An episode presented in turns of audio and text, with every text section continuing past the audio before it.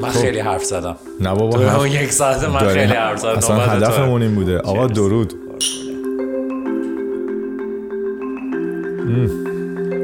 خیلی خوشمزه است من اصلا فکر نمی کردم خوشمزه باشه اون تعریف هایی که سروش ازش کرده و الان فکر نمی تلخ بدمزه سروش هم نگفت تلخه میدونی چی گفت خیلی قویه به خاطر اینکه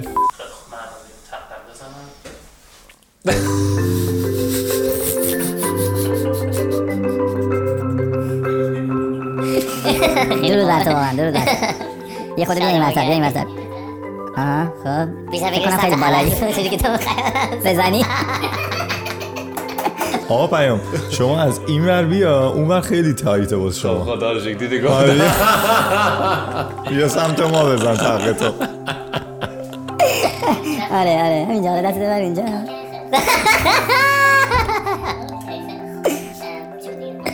برو تیک وان دور همی صحبت این هفتمون رو میخوایم راجع به مسائل باحال بکنیم راجع به زندگی و شرایط LGBTI ایران. جاوید میخواد با همون به اشتراک بگذاره تجربه خودش رو و ازش درخواست کردیم که بیاد و بهمون به کلی چیزهایی رو بگه که شاید هیچ کدوم ما تا حالا متوجهش نبودیم بهش فکر نکردیم و از این به بعد امیدوارم که بتونیم یه خورده با دید بهتری بهش نگاه کنیم. اگر که آماده هستید بریم سراغ برنامه. برنامه امروز با جاوید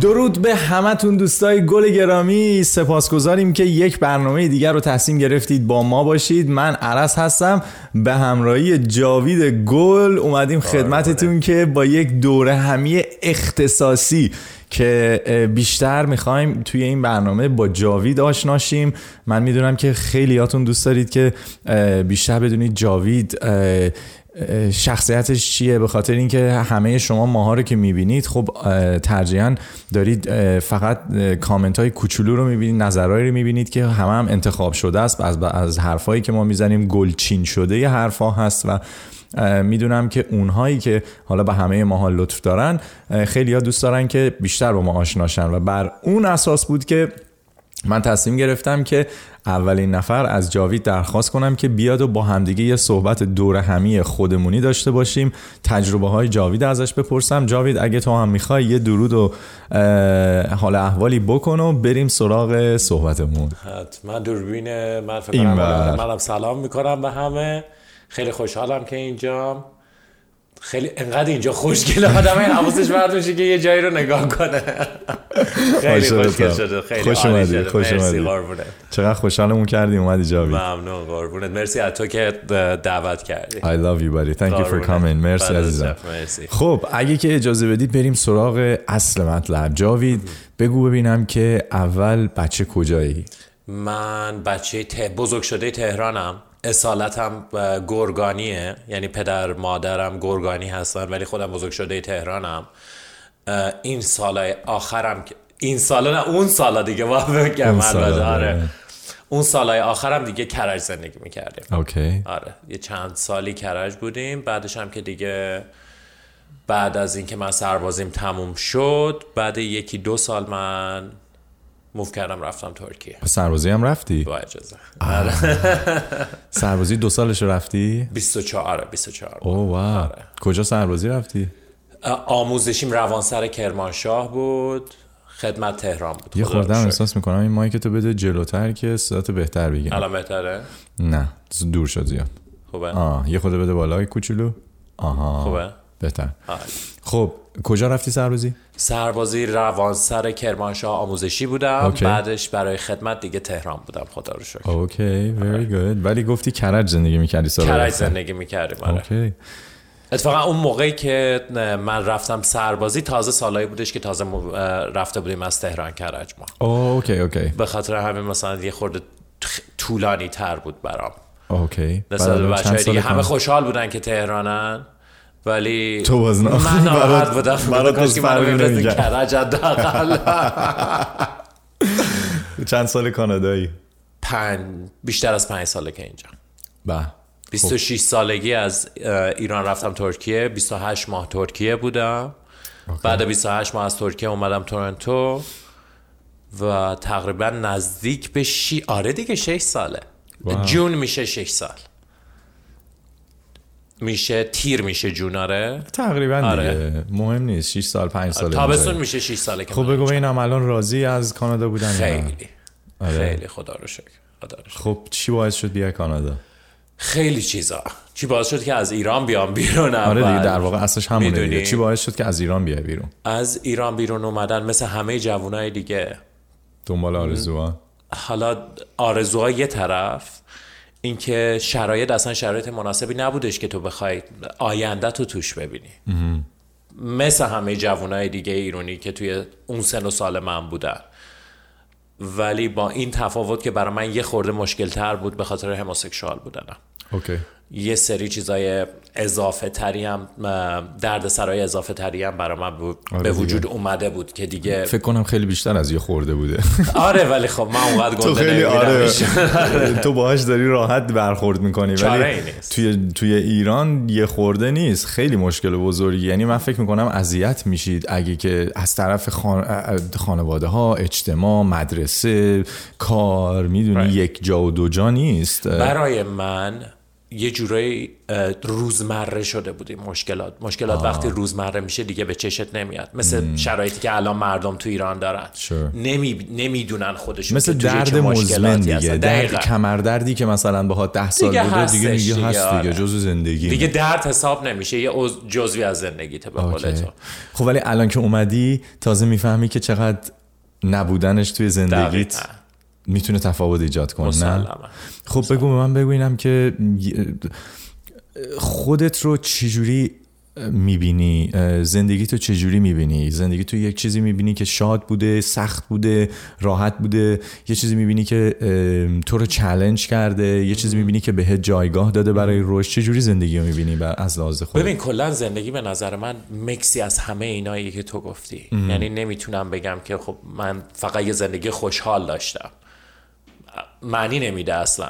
من اگه سختی و ناراحتی نبود چطور میتونم اون لحظات خوشحالیشو یادم بیاد؟ احساس طلبکاری از زندگی نمیکنی. از زندگی؟ حس نمیکنی به بدهکاره نه. اوکی. نه نه. Good. نه. خب بگو. آه... یه خورده بی برگردیم عقب. اوکی. به من بگو ببینم که مدرسه چیکار کردی؟ مدرسه واسه مدرسه اه اصلا از کی فهمیدی که تو با بقیه فرق داری؟ اینجوری بگیم. اوکی. اتفاقا خوب چیزی گفتی چون قشنگ مربوطه به مدرسه رفتن. آره. تا قبل از اینکه مدرسه بری تو خودت به اون صورت نمیشناسی. تو آره. اصلا نمیدونی که مقایسه نمیتونی آره بکنی. دقیقا. دنیا انقدر کوچیکه. یه دنیای کوچیکی داری با خانواده و آره. خواهر برادرها و فک و فامیلی که دور و برتن. وقتی که میری مدرسه تازه متوجه میشی که او و مخصوصا تو مدرسه های ایران چون مثلا پسرا همه با همن بله. دخترا با همن این همه پسرا با هم دیگه بودن یه خورده تو رو بهت نشون میده که خب تو یه کوچولو با بقیه انگاری متفاوتی این میشه محسوس میشه آره وقتی اوکی. که مدرسه میریم منم دقیقا هم موقعی که مدرسه رفتم متوجه این قضیه شدم تقریبا میدونید خیلی راحت و خودمونی باشیم با هم دیگه اولین دفعه هایی که من فهمیدم که من از یه پسر خوشم میاد موقعی بودش که مدرسه رفتم آره دیگه چون موقعی دیدی که دقیقا, دیگه دقیقا. توی مدرسه میبینی که خب بچه ای تو نمیدونی اون موقع که چیه فقط همکلاسی تو مثلا خیلی دوستش داری آها. دوست داری همش با هم دیگه چیل کنین زنگ تفریح با هم دیگه باشین با آها. هم برین خونه با هم بیاین چون بچه ای تو اصلا نمیدونی متوجه. که چه خبر هست؟ هنوز معنایی تو ذهنت نداره میگی اوکی دقیقا. ولی اونجا بود که اولین جرقه های این که او بقیه مثلا که همچین حسی یا ندارن. خب مثلا بست فرند ها چی؟ مثلا اونایی که بهترین دوست رو چطوری متمایز میکنی از حسی که تو شاید به اون مثلا خودت پیدا میکردی. نه به خاطر اینکه همه پسرها همه دخترها یه بست فرند دارن دیگه که همش با هم فرند میکنه. خب تو بست بست فرند نمیتونی حس داشته باشی اوکی اوکی. بست فرند بست فرند حس علاقه عمیق تر یعنی میخوام بپرسم که تفاوت تو حتما خب بست فرند هم داشتی. Ja, det var ju best friend من man من be best friend om درسته دیگه هیچ کس نداره best friend best friend. هر چیزی جای خودشو داره آدمایی که استریت هم هستن best friend دارن best friend من اون موقع پسر خالم بود اوکی پسر خالم بود چون تنها پسری بودش که توی فامیل بود به غیر از من و همکلاسی بودیم با هم دیگه اوکی او پسر خالت هم همکلاسیت بود هم بازی بودیم هم بازی بودید اوکی اوکی هم بازی بودیم با هم دیگه همسن بودید آره جز اولین کسایی که اتفاقا من بهش گفتم این قضیه رو پسر خالم بود اوه چه جالب. آره. اولین کس اصلا من بهش نگفتم اون اومد به من گفت. نه اون اومد به من گفت.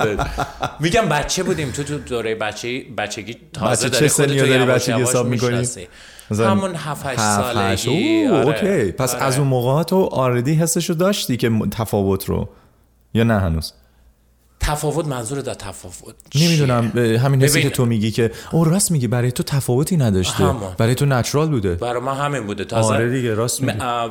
موقعی برای من عوض یعنی به عنوان یه تفاوت برای من جا افتاد. موقعی بودش که بزرگتر شده بودم و میدیدم که نرم سوسایتی یه چیز دیگه است. دقیقا. مگر برای من تا موقعی که بچه بودم متوجه. فکر میکنم خب همینه دیگه, دیگه. آره موقعی که بزرگ شدم و تعریف های جامعه رو دیدم دیدم که او نکنه من دارم برعکس رودخونه شنا میکنم نکنه. آه. و خیلی هم حس بدی بود چون فکر میکنی که تنهایی. آره. مخصوصا حالا بازم میگم تو ایران همون دقیقا که هیچ ساپورت سیستمی نیست نه تنها نیست تازه برعکسش هم هست دقیقا خوب. یکی از چیزهایی که باعث میشه که ما امروز من و بچه, های بچه هایی که توی پرژن درک شو هستن بیشتر هدف داشته باشیم. همین مشکلاییه که تو دوران بچگی کشیدیم. هیچ کدوممون دلمون نمیخواد که یه بچه دیگه اینا رو تجربه کنه. صد درصد. نگاه میکنیم میبینیم که اوکی هیچ ارگنیزیشنی نیستش که بخواد این اطلاعات رو به مردم بده, بده. هیچ رسانه‌ای قبول چرا نیست واقعا؟ یعنی به خاطر تابوهایی که وجود داره به خاطر اون آخه عرص نگاه کن ما هنوز که هنوزه داریم زن و مرد زنا رو میبریم زیر سال. وای بالا اینکه بخوایم راجبه یه چیزی که دیگه همه آره. ازش فرارین و کسی نمیخواد راجبهش صحبت کنه راست میگی. توقع نمیشه داشت از و واقعا هیچ ارگانیزیشنی ما الان نداریم که مثلا از اینترنشنال ایرانیان مثلا LGBTQ ما نداریم. خیلی پراکندن. آها یعنی یک نهاد نیستش نه. که یک وبسایت داشته باشن یک اینفورمیشن ریسورس سنتر باشه خیلی چند تا هستش میدونی میدونی وقتی که میای از ایران بیرون همه بچه های LGBT توی تورنتو نیستن که بخوان با هم دیگه هماهنگ باشن sure. یه سریمون الان اینجاییم یه سری هستن که توی اروپا دیگه بله. یه سری هستن که توی امریکا هن. اصلا اینو سازماندهیش یه جورایی غیر ممکنه مم. تقریبا و اینکه اصلا انقدر هی سعی میشه که سرپوش گذاشته باشه بشه روی ب...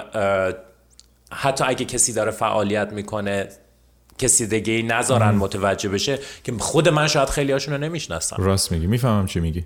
میدونی چی میگم ادامه بده داشتی راجع مدرسه میگفتی آره مدرسه که پسر خالت گفتی اولین کسی بود که شاید اومد بهت گفت و داشتی میگفتی که با دوستات که یواش یواش حس کردی توی اجتماع که او نرم یه چیز دیگه هست و خب بعد چه احساسایی پیش اومد چه چه اتفاقایی رخ داد ببین اتفاقای بزرگ بزرگ دونه دونه به مایلستونا رو بگم آره اولین چیز میگم اولین شوکی که برای خود من بودش مدرسه بود چون توی مدرسه بود که فهمیدم که او من مثلا یه چیزی بیشتر از دوست داشتن انگاری یه چیزی بیشتر از رفیق شدنه.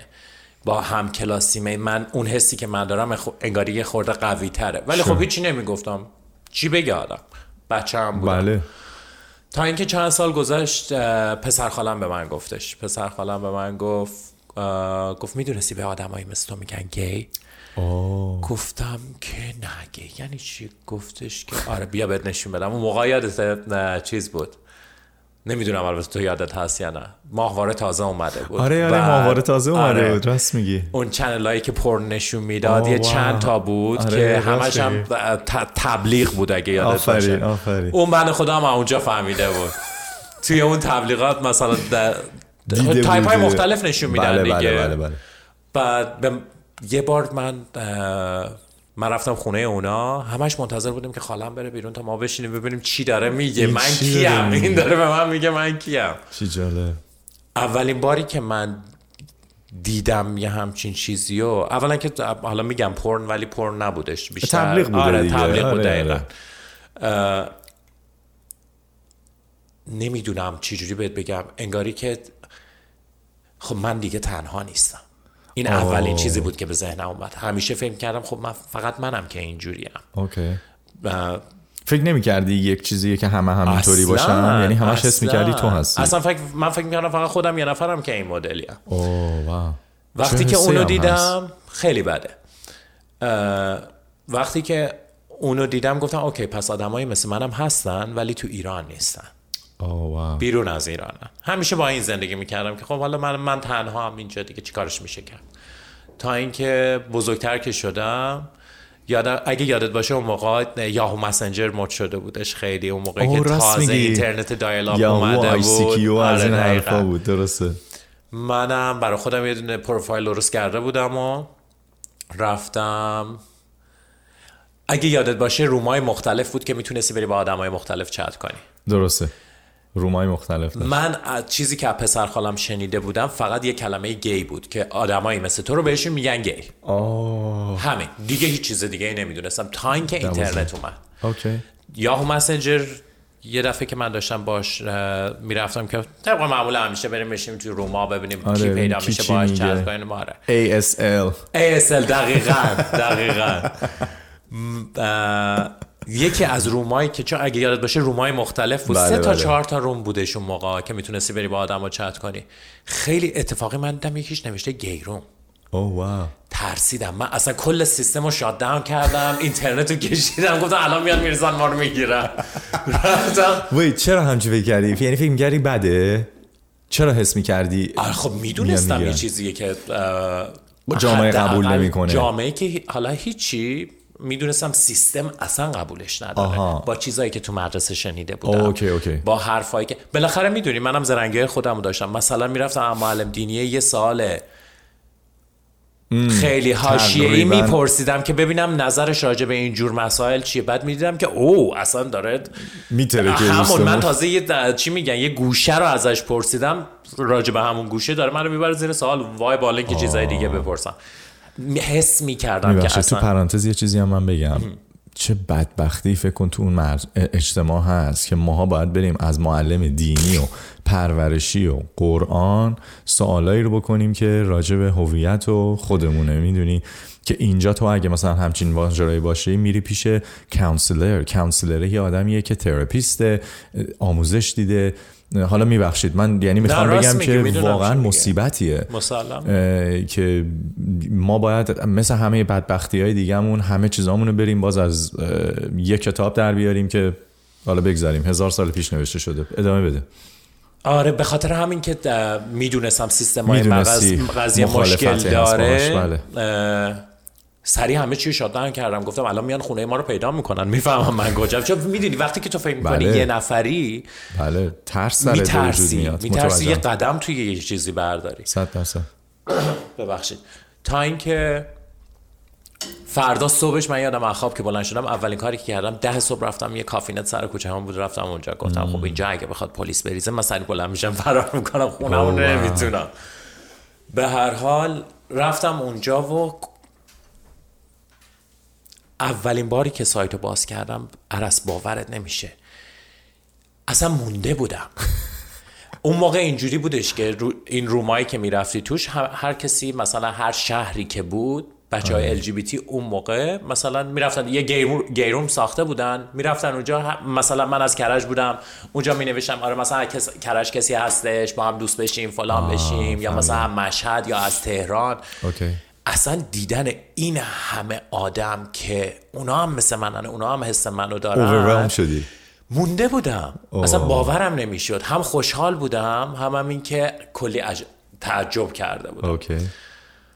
میبخشید علت تجربه هم به خاطر باز همینه که اجتماع همش بهت میگفته که شما عجیبید و فقط تو یه دونه ای و همچین چیزایی وجود, نداره, وقتی که اون مردی که احمدی نژاد میاد تو دانشگاه میگه تو آمریکا ما تو ایران هموسکسوال نداریم. خب دیگه درست میبخشید داره در تایید حرفت دارم میگم. میگم معلومه که این حسا براتون پیش میاد. خب ادامه بده. بعد اونجا بود که اصلا یه دریچه تازه‌ای به زندگی من باز شد میدونی؟ اولین نفری که به من مسیج دادش من یادمه که همونجا بهش گفتم ببین من خیلی آماتورم من اصلا نمیدونم چی به چیه. oh, wow. یه خورده به من توضیح بده. نمیدونم اصلا کی بود. هیچ موقع هم ندیدمشون آدم ولی خب دمش گرم نشست قشنگ نیم ساعت بر من توضیح داد که آره قضیه اینه. تو اگه اینجوری حس میکنی جزو این دسته حساب میشی. اگه مثلا حس جور دیگه است جزو یه دسته دیگه حساب میشی. جاره. آره. کلی بهم توضیح داد خدا خیرش بده آره دستش درد نکنه تا اینکه میگم اولین نفر اولین نفری که باهاش دیت گذاشتم توی ایران من خیلی بچه بودم اولین دیتمو گذاشتم چند سال فکر میکنم 13 سال ولی خب نه خب دیت منظورم اینه که میدونی چی میگم بریم فقط یه آره چایی ببین, آره ببین تو وقتی که از یه تاریکی میری توی یه اتاقی که میبینی او این همه آدم انداز مثل, بله بله. مثل تو هم هستن. دوست داری که بری بشناسیشون حتما. به خاطر همین اولین دیت هم از 13 سالم که بود گذاشتم توی میدون انقلاب تهران. رفتم و هم همدیگه رو پیدا کردید ببین اون موقع ها اصلا باورت نمیشه نه تلفنی بود به اون صورت نه گوشی موبایل و اینا مثل الان نبود هیچ که... و هیچ کس جرأت اینو نداشت تا قبل از اینکه بری ببینیش بخواد به چیز بده عکس نشون بده آه. یا وبکم اون موقع اگه یاد بشه آره، وبکم های کوچولویی بود. بودش اونو مثلا تا اینجاهاشون رو حالا نشون میدادن که تو اطمینان کنی بری سر دیت اولین دیت همچین دیت خوبی نبودش یه خورده تایپ من نبود ایشون توی انقلاب هم دیگر رو دیدیم بعد من مجبور شدم که بپیچی آره اونم همسن خودت بود؟ نه نه آره سنش بالا بود سنش بالا بود و اینکه من میگفتم اگر ببین چقدر خطرناک وقتی که کنترل نباشه وقتی روی کنترل نباشه. وقتی, وقتی, که تو جرئت نداشته باشی به پدر مادرت بگی که من دارم میرم فلانی رو ببینم. بله بله. میدونی چی میگم؟ می... میخواستم من دقیقا همینو بگم. این طرف میتونسته یه مرد 50 ساله 40 ساله باشه بیاد با یه بچه 13 ساله. خیلی خیلی خیلی چیز خطرناکیه. ولی خب میگم آدم با خودش هم یه خورده باهوش باشه دیگه. حالا خدا رو شکر من... تو ایران بچه ها یه ذره باهوشن. آره یه ذره نه خیلی باهوشن. خیلی باهوش. این روزا. آره. از اینجا باوشترن ترن بچه‌ها آره تیزترن آره میگم وسط میدون انقلاب با هم میگه من قرار من باش قرار گذاشتم که هم شلوغ باشه آدما باشن اگه بخواد یه موقع اذیت کنه آدم یه داد بزنه همه میریسن البته اون موقع الان که دیگه نمیدونم چه جوریه بعد خوشم نیومد ازشون 100 درصد اومدم و بعد به خودم میگفتم اوکی اگه گی اینه من گی نیستم من دوست ندارم اینجوری باشم میدونی اون موقع نمیدونستم که مدل های مختلف وجود داره. آها، حالا آها، این فهمیدم. اینی که من دیدم جزء یه دونه از گروه هاشون بوده. بله بله. دلیل نمیشه که مثلا چون ایشون اینجوریه همه رو به چشممون نگاه کنیم. یه شیش ماهی اصلا گفتم نه من اصلا گی نیستم ولش کن. حداقل تا موقعی که ایرانم. حالا یه روزی اگه از ایران رفتم به من ترای میکنم ببینم چی بشه. گذشت ولی خب ببین تو وقتی که اینقدر قضیه اصلا چیزی نیستش که تو انتخابش کنی یه چیزی هستش که تو هستی تو هموسکشوال به دنیا میای آره دیگه اینجوری هست دیگه بله بله اصلا چیزی نیستش که یه سالی توی خانواده یه خورده شاید شخصی باشه ولی دیگه من فکر میکنم از صحبتی که ما داریم میکنیم شخصی تر دیگه چیزی نیست تو توی خانواده یه خانواده معمولی داشتی خیلی آره یعنی پدر مادر بودن آره تک فرزندی No. نه چهار تا خواهر دارم من. او واو اوکی بعد تو کوچیکتری یا بزرگتر من وسطم اوکی پس توی خانواده مشکل ابیوز نداشتی؟ نه خدا رو شکر نه اینجوری نبودی که بگی که ابیوز تا ابیوز رو چی ببینی؟ مثلا پدرم همش منو دعوا کنه بزنتمون وای نه نه نه, نه, نه. میدونی بابا مخالفت های خودشو داشت میدونی چی ما هنوز به اونجا نرسیدیم. مهم نیست من منظورم اینه که میدونی. آخه خیلی ها تو ذهنشون فکر میکنن چون به تو بچگی ابیوز شده اینجا اصلا یه همچی چیز من همینو میگم. متاسفانه من من میخوام با این سوالایی که میکنم به همین برسم که تو هم مثل یه خانواده بودی مثل من مثل هر کس دیگه ای. اینجوری نبوده که به خاطر شرایط خانواده به این نتیجه رسیدی یا این اتفاق افتاده. همونجوری که تو میگی تو اینجوری هستی. اینجوری بودی اینجوری هم اومدی. ببین یه سری چیزها رو دیگه ما با علم که نمیتونیم بجنگیم بله دقیقا. میدونی چی میگم؟ والا تو میگی درست هم میگی. منتها یه سری آدما هستن که علم که خوبه الان بهشون بگی. روزه میگه که نه من حس دارم که شبه, شبه. چون به من گفتن الان شبه. الان شبه چون... عکس خمینی هم تو ما, تو ما. دقیقا. همونا بدبختمون کردن دقیقا. ادامه بده قربونت.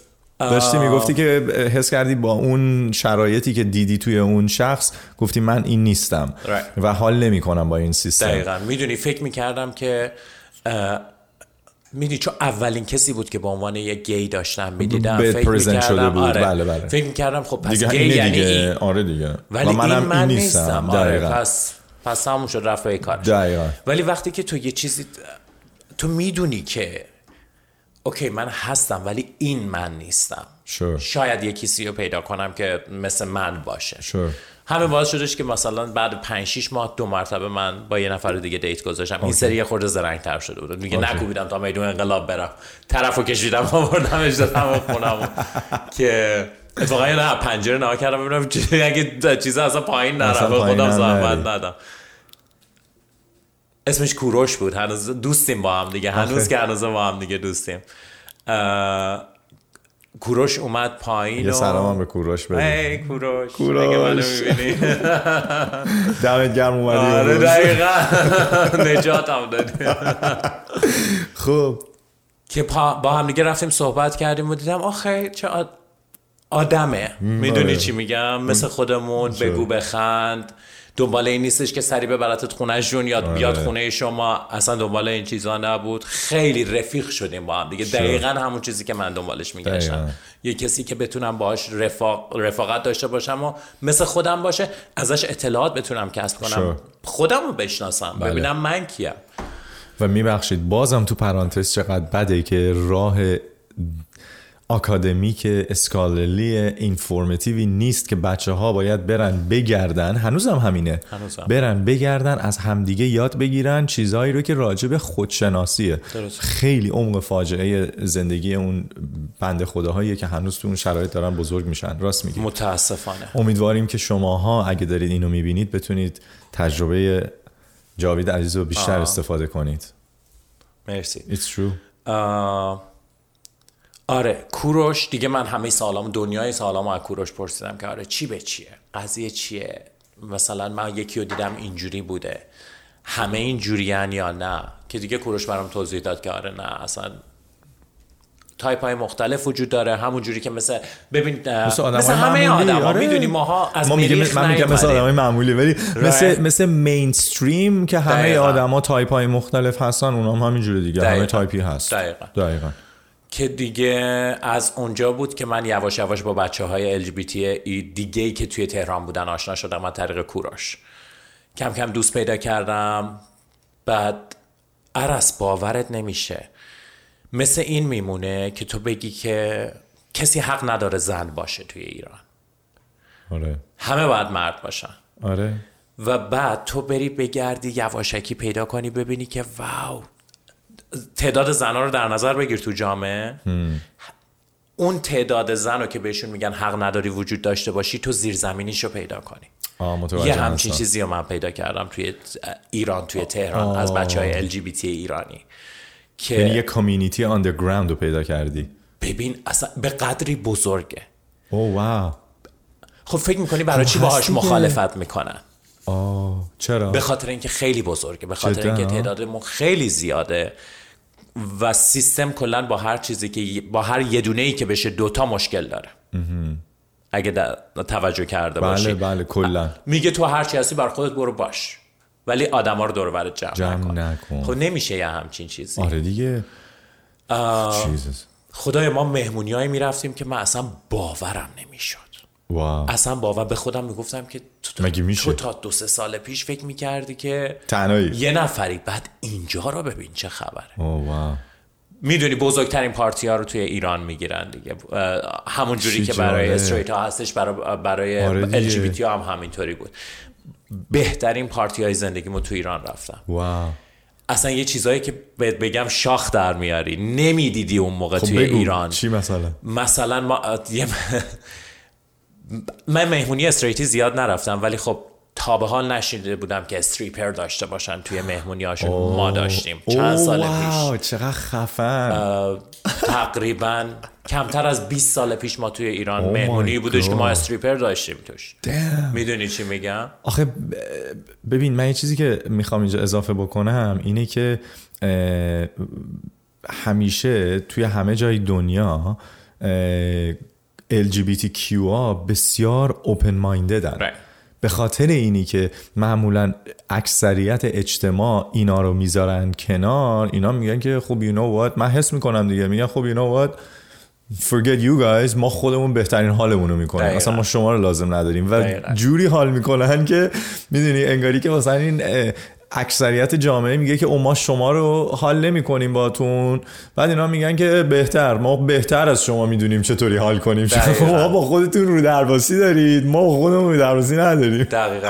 میدونی این اوپن مایند بودن بچه های LGBT از همین جای میاد که با خودشون رو درواسی ندارن. ندارن دیگه. من حس میکنم مخصوصا غیر LGBT ایرانی با خودشون رو درواسی بله، دارن خجالت بله. میکشه طرف مثلا پاشه برقصه بله. یا مثلا خجالت میکشه از اینکه خودش باشه به خاطری که همشون دارن یک اکت میکنن دقیقا. همه دارن یک کاری میکنن که اجتماع بهشون گفته اون باش دقیقا. درست میگی و, دقیقا. و وقتی تو از بیسیک ترین و پایه ترین اصول رو قبول نکنی و زیر بارش نری به عنوان یک شخص بگی من این نیستم که شما داری تعریف میکنی خب دیگه تمام ادامش هم همون میشه دیگه دقیقا. بهت میگن این کارو بکن میگی واسه چی بکنم من که این نیستم درسته دقیقاً ولی توی اجتماع اکثریت اینطوری نیست. وقتی که تو بهت میگن اینجوری باید باشی بله باید باشم. میشی دیگه. اون ادامه میدی دیگه بعدش بهت میگن این مدرسه رو برو بله این کارو بکن بله این دختر رو بگیر بله این بچه رو بیار بله.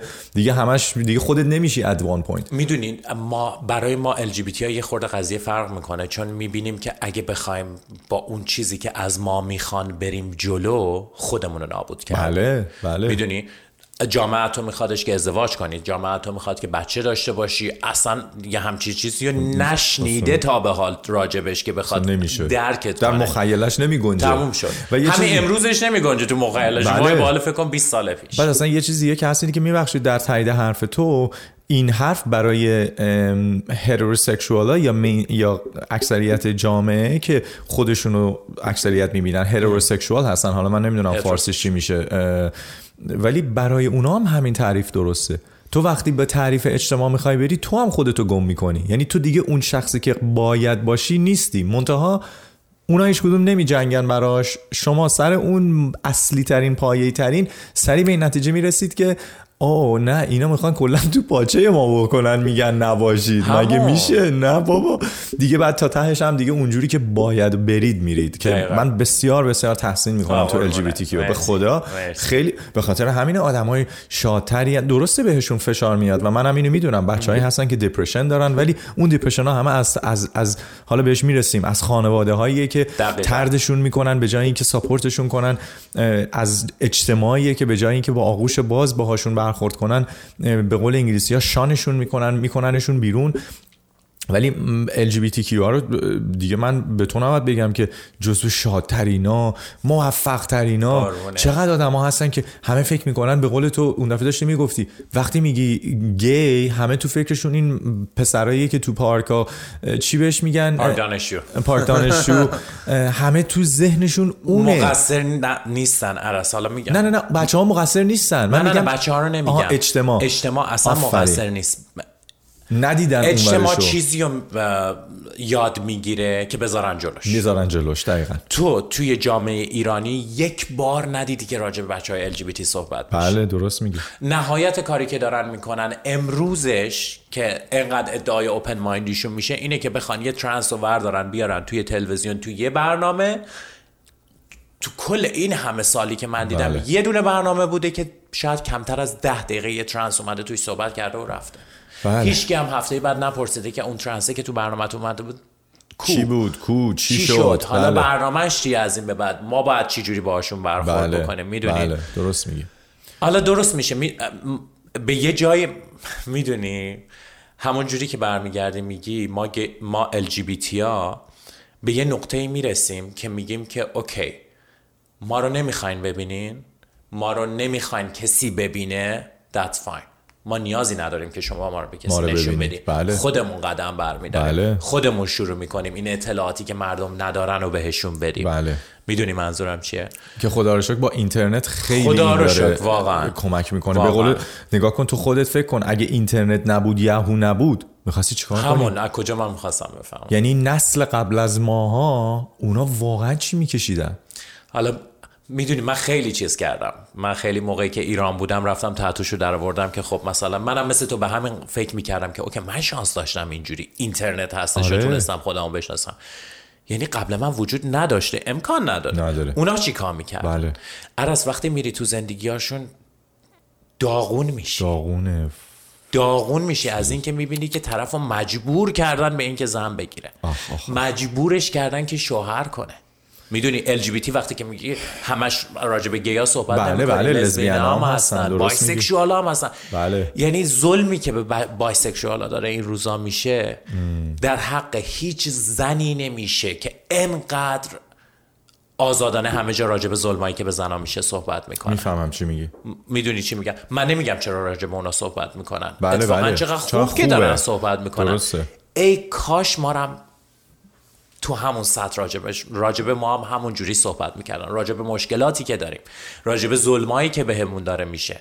راجب هزار و یک درد سری که به خاطر اینکه جامعه ما رو نمیشناسه داریم میکشیم. بابا به قول تو میگفتی زنار هم هنوز که هنوز تو ایران جزو انسان حساب نمیکنن دارن باشون چجوری برخورد میکنن؟ درسته. تو کل جهان تو کل دنیا الان زنا 90 ساله دارن یواش یواش فمینیست موومنت و اینا شروع میشه. LGBTQ هم الان 35 40 ساله شروع شده. درسته. یعنی همونجوری که میگه همش داره به اون سمت میره که مردم بیشتر قبول کنن. فقط 35, زمان میگیره. 35 40 سال شروع شده. دلیلش چیه که ما هنوز امروز بعد اینکه دنیا 35 40 سال پیش شروع کرده این موومنتو هنوز تو ایران نیست. ما امروز توی ایرانو ولش کن. تلویزیونایی که بیرون ایرانه. بله. از آخوند ماپت درست میکنن میارن میذارن جلوی مردم. بله. ولی راجع به بچه های LGBT حرف نمیزنن. بله. همونی که گفتی انقدر تبوش برای فرهنگ ما سنگینه که اصلا میترسن حتی طرفش برن. حالا تو فکر میکنی که این تابو رو چجوری باید کجا بشکنی؟ میشکنه؟ یعنی باید تو میدیا بشکنی دیگه. تنها راهش همینه. و جوابشون به من تا امروز این بوده که مردم آماده نیستن که ما این قضیه رو انجام نمیدیم. شما تو فکر میکنی که آمادگی مردم باشی که هیچی. الان نگاه کن ما هنوز داریم تو 1400 سال پیش زندگی میکنیم. مردم هیچ موقع برای هیچ نه. تغییری آماده نیستن. تغییر رو هیچ این وظیفه رسانه ها و این وظیفه بله. مدیایی که بخوادش بیاد تغییرشون بده یه سری چیزا رو بذاره به جلوشون تغییرشون یادشون نده. بده. به قول تو فقط بهشون حقیقت رو نشون بده. بده ما نمیتونیم کسی رو تغییر بدیم. جای ما نیست که تغییر کسی بدیم. میفهمم چی میگی. تو هم منظوری نبود. فقط بهشون حقیقت رو نشون بده. بگه حقیقت اون چیزی که شما گفته شده بهتون نیست. دقیقا. آقا اینا هم حقیقته. اینا هم مثل شما انسانن. اینا هم هیچ فرقی ندارن. بهشون احترام بذارید. حالا تو نمیخوای؟ نرو طرفش. مردم و اجتماع به اون صورت مقصر نیستن توی این قضیه. بله میفهمم چی میگی. میدونی چی میگم؟ ما تا روزی که تلویزیونامون بیادش بدبختترین ترنسا رو نشون بده به مردم. همون بیچ ترین میمونه. ترنس ها رو بهشون نشون میده که داغونن زندگیشون افتضاحه معتادن. اصلا تو این که نگاش میکنی اون طرفو دلت ریش دلت ریش, ریش میشه, میشه. تا موقعی که تو یه همچین چیزی بیاری بذاری جلوی مردم مردم همه ما رو اونجوری میشناسن. بله بله. در که... صورتی که ما چقدر LGBT موفق داریم. میخواستم همینو بگم. یه مشکلی هم که هست اینه که من حس میکنم اون موفقام حاضر نیستن خودشونو بیارن بذارن تو میدیا راجع به خودشون صحبت کنن. آقا من من همینجا دارم میگم. LGBT موفق بیاد اینجا بگه من میخوام صحبت کنم بهش میگیم بیا ولی آیا کسی حاضر مثل تو بیاد راجع به تجربه زندگیش صحبت کنه میدونی که موفقه باید همون کسایی که فعلا اوت هستن و مدیا نشون بده بله، که بله. بقیه جرأت اینو پیدا کنن که اونا هم اوت بشن بشه. میدونی چی جا افتاده تر شه بله بله. ما ب... بدبختی ما اینه که مثلا ما درکوین ایرانی خیلی زیاد داریم آها یکیشون خیلی معروفه به من گفتی ونکوور بله نه هوتن او راست میگی هوتن ایراد کار اینجاست که هیچ موقع نمیادش بگه که مثلا یه توضیحی راجع به این آرتی که داره انجام میده به مردم بده یه توضیحی بهشون بده. همیشه پیش خودم به مامانم هم میگفتم میگفتم این چرا اینجوریه؟ این خیلی هنرمنده اتفاقا. میگفتن نه این داره اکت میکنه. خب آره داره اکت میکنه ولی ولی راجع به اکتت صحبت کن. بگو این نوع اکت منه راست میگی؟ میدونی. تو ادوکییت کن. ما هنرمندامون هم جرأت اینو ندارن بله. که خودشون باشن. راست یعنی بحث جرأت داشتن البته نیستش. بحث سر اینه که این روزا همه منفعتشون رو در نظر میگیرن. آره. یک من خودم موقعی که این شو رو داشتیم شروع میکردیم همه مخالف بودن میگفتن اسم برچسب ال روش نزار جاوید. من نمیتونستم بفهمم گفتم من تمام هدفم اینه که بخوام بچهای ال جی بی تی رو از از این طریق معرفی کنم به جامعه. و تو به من میگی که حرف راجبش نگو برچسب ال جی بی تی روش نزن چرا, چرا؟ کسی نمیاد برنامه هات آها. از این مالی لحاظ مالی لحاظ مالی مردم تو رو ایگنورت میکنن در پیشرفت نمیکنی در صورتی که همچین چیزی اصلا درست نیست من قبول حالا بهش میرسیم که تو داشتی من میگفتی کاملا برعکس جامعه اجتماعی کل داره تو رو ساپورت میکنه در صورتی که خود ال جی بی تی کیو الان نمیاد درسته دقیقاً اوکی حالا به اونم میرسیم ترساشونه میدونی دقیقاً حالا بهش میرسیم برگرد سر صحبت اینی که داشتی میگفتی که با کامران اگه اشتباه نکنم درسته کوروش کوروش میبخشید میبخشید آقا کوروش گفتی با کوروش کلی سوال کردی کلی چیزای جدید فهمیدی. بریم رو با بچهای دیگه آشنا شدم یواش یواش. مهمونی ها رو رفتی گفتی مهمونی های خفن. رفتم. مایلستون بعدی چی بود؟ ببین من موقعی که خانواده چی شد که اینو بهم بگو؟ بز... به اونجا میرس خب. موقعی که بعد از اینکه با کوروش آشنا شدم و وارد ما بهش میگفتیم گی لایف. میگفتم گی لایف بچه های تهران گی لایف بچه های شهرهای دیگه آره مثلا شیراز شور شور بعد چی رو میخواستم بگم که به اینجا رسیدم؟ یادم رفت اصلا. نمیدونم میخواستی راجع به این حتما توضیح بدی که باید گفتم به راجع به خانواده بگو ولی میخواستی یه نکته دیگر رو بهم بگی. اگه نه میتونی راجع مایلستون بعدش اینو میخواستم بگم که کلا منظورم اینه که بچه هایی که امروز الان توی ایرانن بچه های LGBT که الان توی ایرانن فکر نکنن تنها آها. 20 سال پیش من تونستم یه همچین چیزی رو پیدا کنم آندرگراند آره. امروز که مسلما خیلی راحت ترم هستم. خیلی راحت. و, و وقتی که تو حس میکنی که تنهایی افسرده میشی یه سری مشکلات و مسائل برات پیش میادش که نباید توی اون سن و سال برات پیش بیاد. بله. پس چه خوبه که بچه ها امروز بدونن که تنها نیستن توی بله، ایران. بله. هستن بچه های دیگه ای که مثل اونا باشن. حالا زمان میبره تا بخوان پیداشون بکنن یواش یواش. این با خودم بود قضیه. تا اینجا. میریم سراغ خونواده عرص امکان نداره کسی اسمش اسم خودشو پدر یا مادر بذاره و ندونه که بچهش ال جی واو. امکان نداره. یعنی میگه قبل از اینی که حتی صحبتش بشه اونا حسشو دارن. امکان نداره که نفهمن. چی جالب.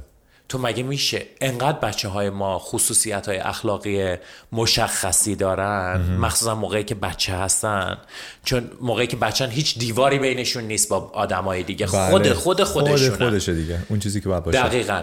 حالا خونواده میادش دیوار براش میذاره. بله. جلو بقیه اینجوری نخن. آها. جلو بقیه اینجوری حرف نزن. او چون میبینن چرا شروع میکنن هی تصحیحش کردن. میدونی برای من خانواده من اینجوری بودش که نه اینکه با من مخالف باشه از جامعه ای که قرار بود من برم توش و زندگی کنم میترسید. میدونم چی میگم. میدونی؟ من همیشه یادمه مثلا موقعی که تو خونه بودیم با خواهرام داشتیم بازی میکردیم هیچ مشکلی نبود هیچ وقت. فقط کافی بود چهار نفر از مثلا دوستای بابام یا دوستای همکارای بابام بیان اونجا با بچه های اونا بخوایم بازی کنیم. اونجا شروع میشد.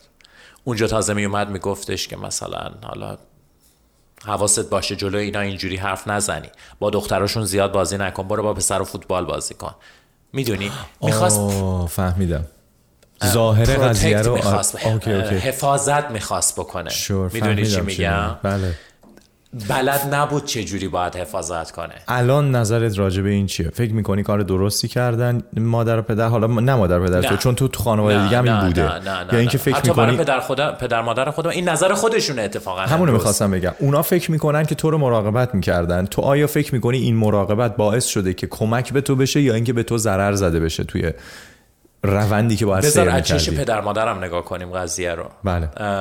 تقریبا الان یک ساله که اومدن اینجا.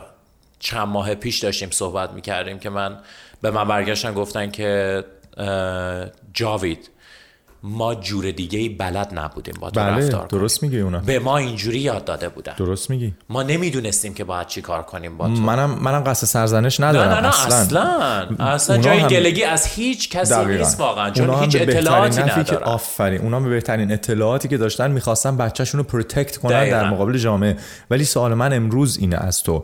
به عنوان یک کسی که تو این شرایط بزرگ شدی تو اون اجتماع بزرگ شدی آیا فکر میکنی امروز چون هنوز اون شرایط تو ایران هست برای بچه‌ای که اونجا هستن آیا یک خانواده باید اون بچه رو پروتکت بکنن مراقبت کنن محافظت کنن و بهش بگن این کار خودی که هستی نباش یا اینکه وایسن پشتش بگن تو اونی که باش هستی باش ما پشتتیم؟ این ظلم در حق بچه اگه این کارو باش بکنن. okay. ببین هیچ پدر مادری دلش نمیخوادش که به بچهش ظلم کنه. به خاطر چیزایی که بهش یاد دادن و چیزایی که بلده فکر میکنه که اگه بهش بگه که خودت نباش داره بهش یاد میده که چجوری از خودت مراقبت کنی. در صورتی که این نیست. مشکل جای دیگه است. مشکل رو جای دیگه باید حل کنن. به بچه هاشون فقط میدونی پدر و مادر به نظر من تنها وظیفه‌ای که نسبت به بچه‌شون دارن اینه که حمایتش حمایتش کنن. هر چیزی که هست. That's it. بچه وقتی که حس اینو داشته باشه که اوکی من هر چیزی که هستم پدر مادرم دوستم دارن حداقل. بله. جامعه اگه دوستم نداره درک سیاه پدر مادرم دارن بله.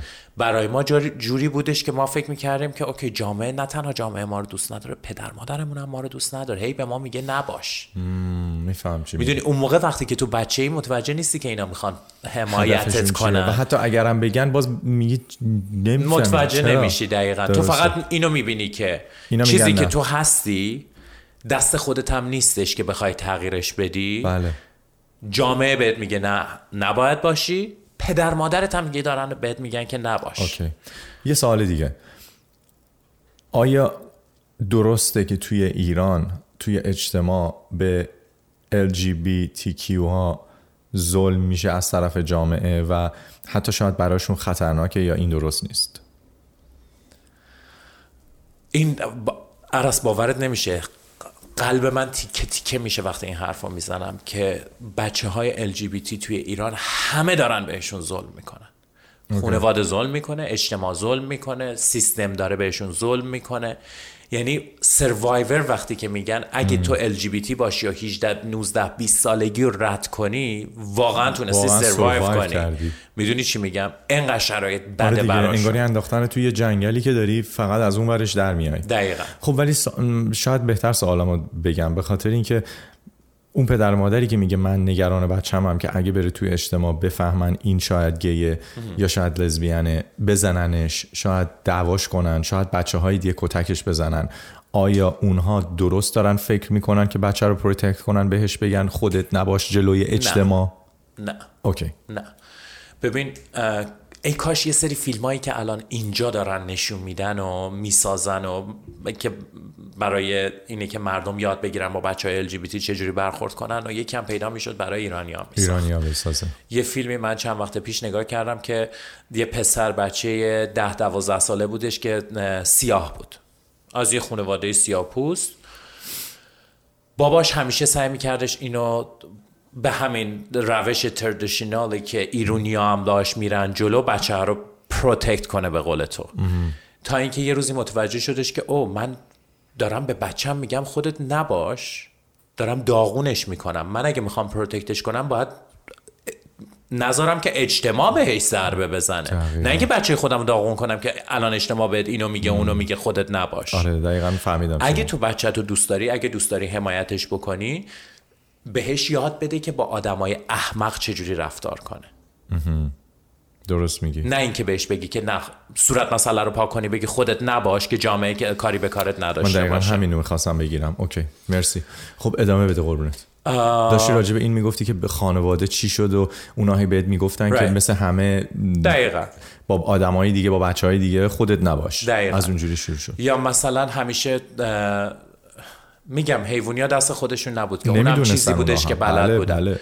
می اومدن میگفتن که هم پسر خالم اسمش پویاست پویا رو ببین. چرا نمیره با پویا فوتبال بازی کنی؟ پویا رو ببین تو مدرسهشون فوتبالش مثلا همه بهتره. و من مجبور شدم برم میگم پوی خدا لعنت نکنه اینقدر فوتبال بازی نکن. من دوست ندارم. منم مجبور میکنن مثل تو فوتبال بازی کنم. نمیشه تا بیای با ما یه خورده عروسک بازی نمیرم براش.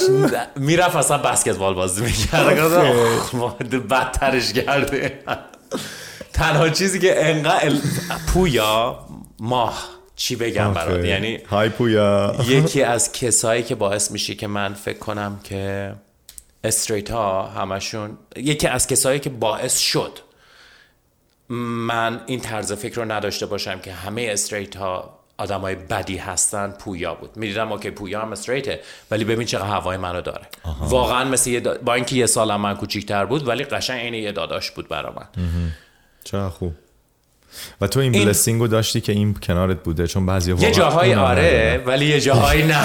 یه جاهای نه. یه جاهای نه چون همش مثلا میگفتن که پویا رو ببین. آره. پویا رو ببین. خدا پویا خدا لعنتت کنه. دیگه حیوانی اونم هی خودش عوض میکرده چه خاطر من. مثلا دیگه گیر داده بود فقط میرفتیم دیگه استخر. من عاشق استخر رو شنا کردم بودم. اونم دیگه میگه اوکی این اوکیه اینو بریم. اینو میشه بریم دیگه تا تایش همون دقیقا. بعد تا اینکه سن به یه جایی رسیدش که میدیدی تو رو از دخترها دارن سوا میکنن یعنی چی؟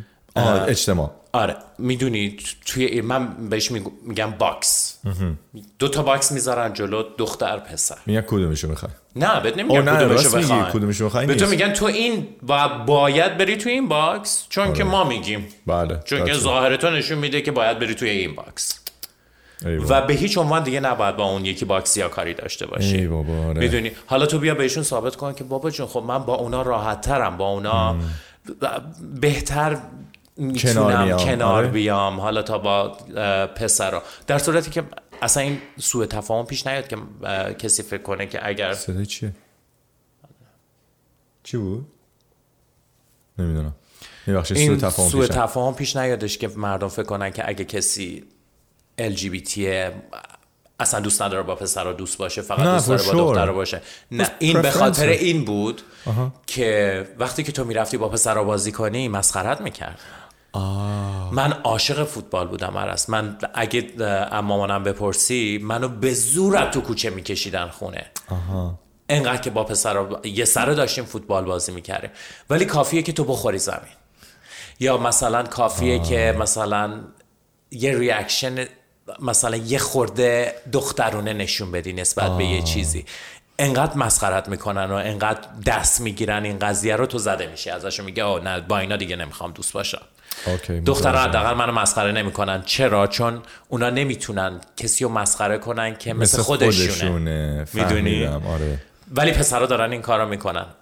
دخترها وقتی که اینو میدیدن اتفاقا هرسشون میگرفت. میگفتن که مثلا تو, تو چرا فکر میکنی که اگه یکی دخترونه رفتار میکنه مسخره است؟ اوکی شور پس تو فکر میکنی ما هم مسخره ایم؟ پس تو فکر میکنی مادرت هم مسخره است؟ تو فکر میکنی خواهر خودت هم مسخره است؟ ما فوتبال بازی کنیم. اما ما هم نباید فوتبال بازی کنیم. من متوجهم. این دو تا باکسی که میذارن جلوی ما خیلی نه تنها تفاوتارش شدید میکنه دیگه. نه تنها بچهای ال جی بی تی رو داغون میکنه. بله. بله غیر ال جی بی تی هم داغم میکنه میدونی چی میگم یه دختر یاد نمیگیره که چجوری با یه پسر رفتار کنه یه پسر یاد نمیگیره که با, با یه دختر چجوری باید رفتار کنه فکر میکنه که چون ازش گرفتن پس یه چیزی این وسط بوده که اینا رو از هم دیگه گرفتن sure. به محض اینکه از اون باکس جرأت کنن در بیان میخوان بپرن رو هم دیگه آره راست میگی وضعیتی که تو ایران داریم راست میگی میدونی چی میگم درسته این قل... این دو تا باکس خیلی اذیت کنندن نه تنها برای ما LGBT ها بلکه برای هر آدم اجتماع. دیگه اجتماع. برای هر آدم اصلا دیگه اجتماع نباید به کسی هویت بده هویت right. خود آدم باید مشخص کنه و باهاش بره اجتماع دقیقا. باید فقط قبول کنه دقیقا. دقیقا درست میگی خب بگو ببینم که مایلستون بعدی یا قدم بزرگ بعدی توی زندگیت کدومه که اتفاق افتاد مستقل شدن اوکی موقعی که مستقل شدم کی با خانواده علنا این مسئله رو طرح کردید ببین من هیچ موقع به خانواده علنا صحبت نکردم راجبش تا موقعی که مجبور شدم. اوکی تا موقعی که مجبور شدم. که موقعی بودش که اومده بودم رسیده بودم اینجا. او واو یعنی حتی ترکیه هم نمیدونستن. نه. نه نمیدونستن. نمیدونست. آخه ببین دلیلی نداره که تو بگی. مثل این میمونه که تو بری برای پدر مادر تعریف کنی که مثلا تو اتاق خوابت با ستاره چیکار میکنی؟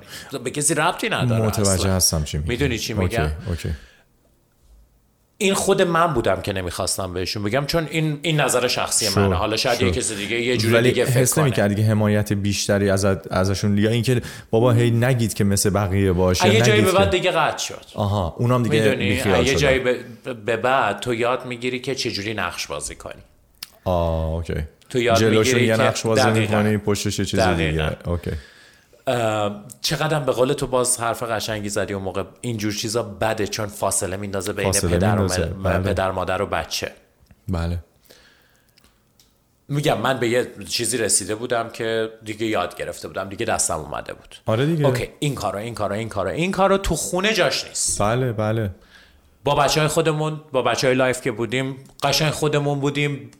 راحت. به محض اینکه میخواستی بری خونه به محض اینکه از اون خونه ای که با بچه هایی که مثل خودت بودن میخواستی بیای بیرون یه دفعه نفری هممون 5 تا ماسک دستمون بود که اوکی این ماسکو تو خیابون باید بزنی واو. این ماسکو تو مدرسه باید بزنی این ماسکو تو توی خونه رفتی باید بزنی این ماسکو جلو بابا میتونی بزنی جلو ماما نمیتونی بزنی مثلا. یه همچین چیزی برای من و جالبیش به اینه که آدم های اجتماع باز همه همین ماسکا رو دارن آره دقیقاً.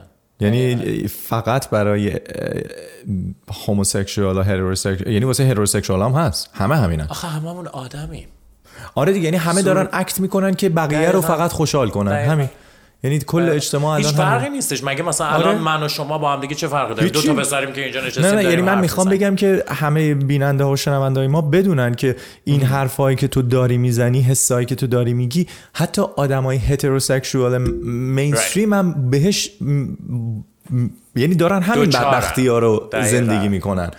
حالا تو داری از یک بود دیگه ای راجبش صحبت میکنی اونا هم همه از بود خودشونه. من فقط منظورم اینه که حرفای تو مختص ال LGBTQ نیست right. مس... یعنی به همه مثل یه آمبرلا یه چتریه که رو سر همه اجتماع واضحه ولی خب برای شما بسیار شدت این تفاوت ها زیادتره.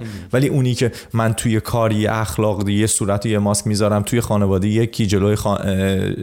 شریک زندگیم یکی جلوی رفیقام که با هم مشروب میخوریم یکی میدونی همه اینا با همدیگه باز متفاوتن ولی درست میگی. برای شما به خاطر اینکه اون خانواده نمیتونه اجازه بده خودتون باشید سنگین تر حس میکنم. ببین برای ما هیچ کس اجازه نمیده خودمون باشیم به غیر از خودمون. به غیر از خودتون. یعنی به غیر از بچه های LGBT کس دیگه ای تو رو اصلا بله. دانششو نداره که تو رو درکت درست کنه میگی. که باز همون از lack of knowledge دقیقا. که میگی خب داشته میگفتی رسیدی کانادا و اینجا تازه راجبش یه جوری آره سر اونم باز میگم سر یه مشکلی پیش اومدش که من مجبور شدم که به پدرم بگم چون دوست نداشتم از کس دیگه ای بشنوه یکی یه بنده خدایی بودش که ما رو تهدید منو تهدید میکردش که من میرم الان به بابات میگم که پسرش چه جوریه ای بابا من گفتم خب تو قبل از اینکه تو بگی من خودم بهش میگم خودم چون چیز بزرگی نیستش. من مرد بودنم و جور دیگه به پدرم ثابت کردم تا این لحظه ای که اینجا نشستم. عرص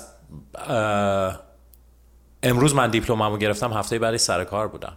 واو. من خیلی استریت ها رو میشناسم که الان سی چهل سالشونه هنوز کار نمیکنن بله، هنوز پدر مادر دارن خرجشون بله. میدن. بله. من 18 سالم بودش کار کردن رو شروع کردم مسلم. سربازی رفتم برای خودم. میگم باز خیلی از استریت ها رو میشناسم که حتی سربازی هم نرفتم. درست میگی.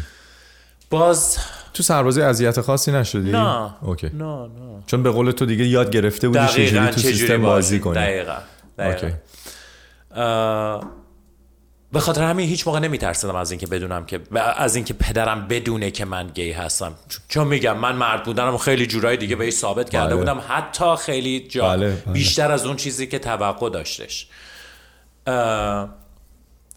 البته مرد بودن به سربازی رفتن و اینجور چیزا بله. نیست. بله، توی یه سری مسائل دیگه است که حالا اگه وقت بشه بهت میگم که چیا بوده. اه... یادم به بابام زنگ زدم گفتم که اون موقع ایران بودن. گفتم که بابا یه مسئله هست من میخوام بهت بگم. تا امروز بهت نگفتم چون حس نمی کردم که اصلا نیازی باشه که بهت بگم. الانم که دارم بهت میگم فقط به خاطر اینه که خودم دوست دارم بهت بگم از دهن فلانی نشنیده باشی. گویا یه دقیقه وایسا. موقعی که تو نمیدونستی من میدونستم. تو اصلا نیازی نیست به من بگی. و میدونی عرص وقتی من فلش بک میزنم عقب و نگاه میکنم میبینم اون لحظه ای که بابام میومده به من میگفته که این مدلی نخند. آره دی اون موقع همونجا فهمیده بود قضیه رو همونجا میدونسته آه متوجه شدم. میدونی چی میگم؟ چه این قضیه کیمت کردن من برا خانوادم بود. چه که هم به همین سادگی بود. بعد داشتی میگفتی به خواهرت گفتی اول اون چی بودش که؟ قبل او خب خواهر من اول اومد رسید اینجا. آها آها. من بعد از اینکه اومدم اینجا سه سال بعدش خواهرم با دو تا بچه هاش آوردم از ایران اینجا به خاطر اینکه توی یه رابطه ابیوزیو طولانی 13 14 ساله بودش. اوکی. دیگه واقعا نمیشد تحمل کرد که بخوای ببینی یه نفر اینجوری داره پرپر میشه. به خاطر همین اول اونو با بچه هاش آوردم. و داشتن می اومدن توی خونه من زندگی کنن. ما یک سال و نیم اول هممون با هم زندگی میکردیم. نمیشد بهش نگی. بله. نمیشد بهش نگه چون تو زندگی هم دقیقا بعد منم یادم مخصوصا اینجا من اینجا زندگیم خیلی عاطه. اصلا بله. چیز ندارم. تعارف ندارم با کسی. که بخوام میگم تعارف قایم کردنی چیزی دیگه. ندارم دیگه ماسکار رو گذاشتی کنار الان خودتی دیگه. دقیقا. همینی که هست. دقیقا. به خاطر همین اول مجبور شدم خواهرم بهش آمادش کنم که بهش بگم. خدا رو شکر اونم باز از قبل یه سری چیزها رو میدید. چطوره که برادر تو مثلا تا به امروز یه دونه دوست دختر نداشته ولی این همه دوست دختر داره. اینقدر دخترها باهاش راحتن. قضیه چیه؟ مم. یه بار میدونی وقتی باهاش صحبت میکنم به هم میگه میگه که من میدیدم تو عاشق میشی. من میدیدم تو شکست عشق میخوری ولی نمیدونستم که این کیه. اون ورش کیه اون ور ماجرا کیه؟ بعد چون هیچ موقع هیچ کی رو پیدا نمیکردم میگفتم پس نه من اشتباه دارم میکنم این شکست عشق نخوره حالش بده. حالا درست میشه. مجبور شدم اونم میگم باز مجبور شدم به خواهرم بگم. متوجهم. چون تایمی هم که اون رسیدش اینجا من و پارتنرم با هم دیگه توی بیلدینگ زندگی میکردیم. اون طبقه هشتم بود من طبقه دهم بودم. نمیشد اصلا قایم کرد. و اصلا دیگه. دوست نداشتم که بخوام قایم نداشتی کنم دلیل نداشته. صد درصد. به خاطر همین موقعی که رفتم ایران دنبالشون بعد رفتیم یه چند وقت ترکیه. تو همون ترکیه من شروع کردم یواش یواش یه جورایی بهش گفتن و خواهر کوچیکم میدونست. خواهر کوچیکم از قبل توی ایران میدونست. یکی از خواهرای کوچیکم. اون میدونست با اون شروع کردیم یواش یواش بهش گفتن و مثلا فلان و اینا. دیدم اوه. اصلا زیاد مثل این که چیز نیستش تو باغ نبود نه خوشش نمیاد از این قضیه آه.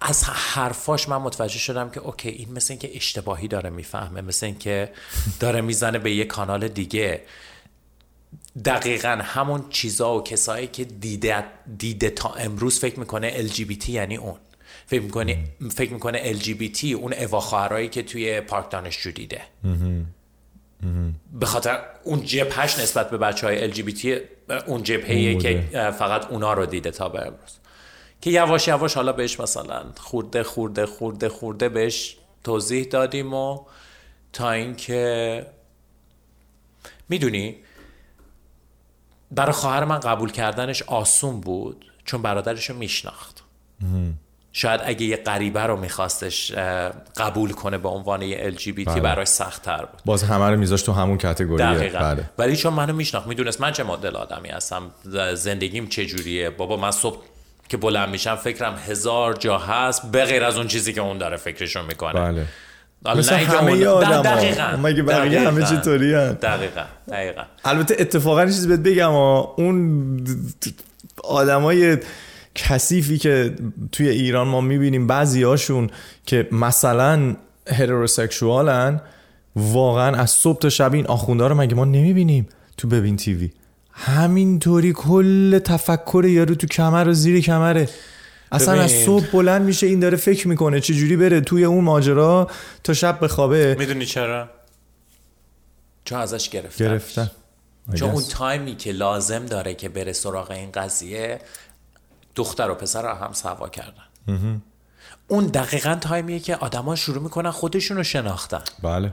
میدونی چی میگم؟ تو یه نوجوون و سکس رو ازش بگیری چی ازش میمونه؟ هیچی. هویتش ازش گرفتی. خب تمام شد. بعد تمام بچه های ایران بچه هایی که توی ایران هستن بله. و هویتشون رو انگاری ازشون میگیرن. بله. خب ناخداگاه مغزشون سویچ میشه روی این که بخوان برن وقتی که دستشون بازه و میتونن برن سراغش تمام زندگیشون رو بذارن دیگه براش. همه همه میشه اون. تمام متاسفانه. که بیان تازه جبران گذشته رو بکنه. آفرین. که این یه به نظر من یه سیاه چالیه. گریبانگیر اون فرهنگه. بله و اون ملت. به خاطر اون فرهنگ و اون شرایط اجتماعی که ما توی ایران داریم یقه هممون رو گرفتیم. بله. هممونو که من خودمو دارم به شخصم میگم منم یقمو گرفت. بله. منم وقتی که به خودم اومدم عرس باورت نمیشه. میدونی تو رو یک عمر از خوردن خوشمزه ترین چیز دنیا محرومت کنن که حق انسانیته. یعنی خوشمزه هم میگی حالا یه نفر میگه اوکی حالا مثلا این غذا رو نمیخوریم حق انسانیته میدونی کلا به سکس دنیا مثل غذا خوردن میمونه بله. مثل نفس کشیدن مثل نفس میمونه کشیدنه. یه مثل فکر کردنه دقیقا یه چیزی که نکن. لازم زندگی بله. ماست اگه وجود نداشته باشه انقدر مریضی اون چیزایی که اون قفلایی بله. که توی ذهنت ایجاد میشه نمیذاره تو اصلا به چیزای دیگه فکر کنی بله درست میگی میدونی چی میگم شاد نیستی اصلا خودت نیستی دیگه. وقتی خودت هم نیستی نمیتونی شاد باشی. دقیقا. چون همش دنبال اینی که اون جوابا رو پیدا کنی چجوری اینو و خیلی هم از اون را میزنن بیرون دیگه. از از اون ور ماجرا میزنن میگم نه من حس میکنم که میگم من اسمشو گذاشتم یه سیاهچال آره. یه سیاهچالی که ما همه ما ایرانیا بعد از اینکه به اگه سنی را مستقل میشیم ما یه سنی رو رد میکنیم میفتیم توش. حالا دیگه این دست ماست که کی از این سیاه سیاهچاله خودمون رو بکشیم بیرون. بکشیم بیرون. به خاطر شرایطی که ماها توش بزرگ شدیم عرص از این سیاه چالا خیلی زیاد هست جلو بله. راه ما. بله. این سیاه چال سکس یه دونشه. بله. صدها سیاهچال جلومونه که توی من حس میکنم ماها از انسان باید بیافتیم توش که یاد بگیریم چجوری بیایم بیرون. بله. هر کدومش داره ما رو از همون انسان انسان میسازه. بله. ای کاش گیر نکنیم توش بله من خیلی ها رو میشناسم که گیر, گیر کردن توش عرص باورت نمیشه راست میگی صد درصد موافقم برا من اگه مثلا یه سال دو سال بودش این گیر کردن تو این سیاه چاله یه کسایی رو میبینم خدای چهل سال چهل سال توش گیر کرده بله, بله. هنوزم که هنوز اصلا عین اصلا متوجه نیستش که توی دیگه یه همچین جای فکر میکنه اصلش همینه افتاده. دیگه. یه عمرم من گرفتنش حالا دارمش میخوام تا آخر عمرم همینو ازش استفاده کنم. بله. نو اون چی میگن؟ تعادل رو پیدا کن. بله تعادلش رو بله. اون تعادل رو پیدا کن. نه زیادی بری توش غرق نه اینکه اصلا نخوای راجبش صحبت کنی بله. این چیزی بودش که من خودم به شخص تجربهش کردم کردی. ای کاش ماها یاد بگیریم که گیر نکنیم توی این چاله هایی که سر بله. خیلی جالبه درست میگی تعادل تو همه چیز میتونه مطلوب بکنه همه تجربه ها رو دقیقا خب جاوید به من بگو ببینم که تو الان ما, ما رسیدیم به کانادا. و من حدس میزنم که چون گفتی رفتی ترکیه و اومدی کانادا احتمالا از طریق کیس LGBTQ و برای پناهندگی یا کانادا یا آمریکا مثل تمام بچه‌ای که از ایران میان اون ماجراشون اروپا و آمریکا و کانادا که تو من گفتی تو کانادا رو انتخاب کردی. خب اومدی کانادا آیا تا الان ما چیزی رو از دست دادیم که میخوای بقیه بدونن توی این فاصله قبل از اینی که من وارد این بشم که چجوری تو وارد پرژن درگ شو شدی؟ چون میدونم خیلی راجع به اون پشنتی و وقتمونم یک ساعت شده. تقریبا نمیخوام زیاد میخوام راجع به اونم صحبتی داشته okay. باشیم. چیزی هست که ما میس کردیم. ببین. نکته مهمی که فکر میکنی. مهمترین چیزهایی که من میتونم بگم و تو چند تا جمله میتونم خلاصش کنم برای که بچه هایی که دارن نگاه میکنن و میشنون این قضیه رو.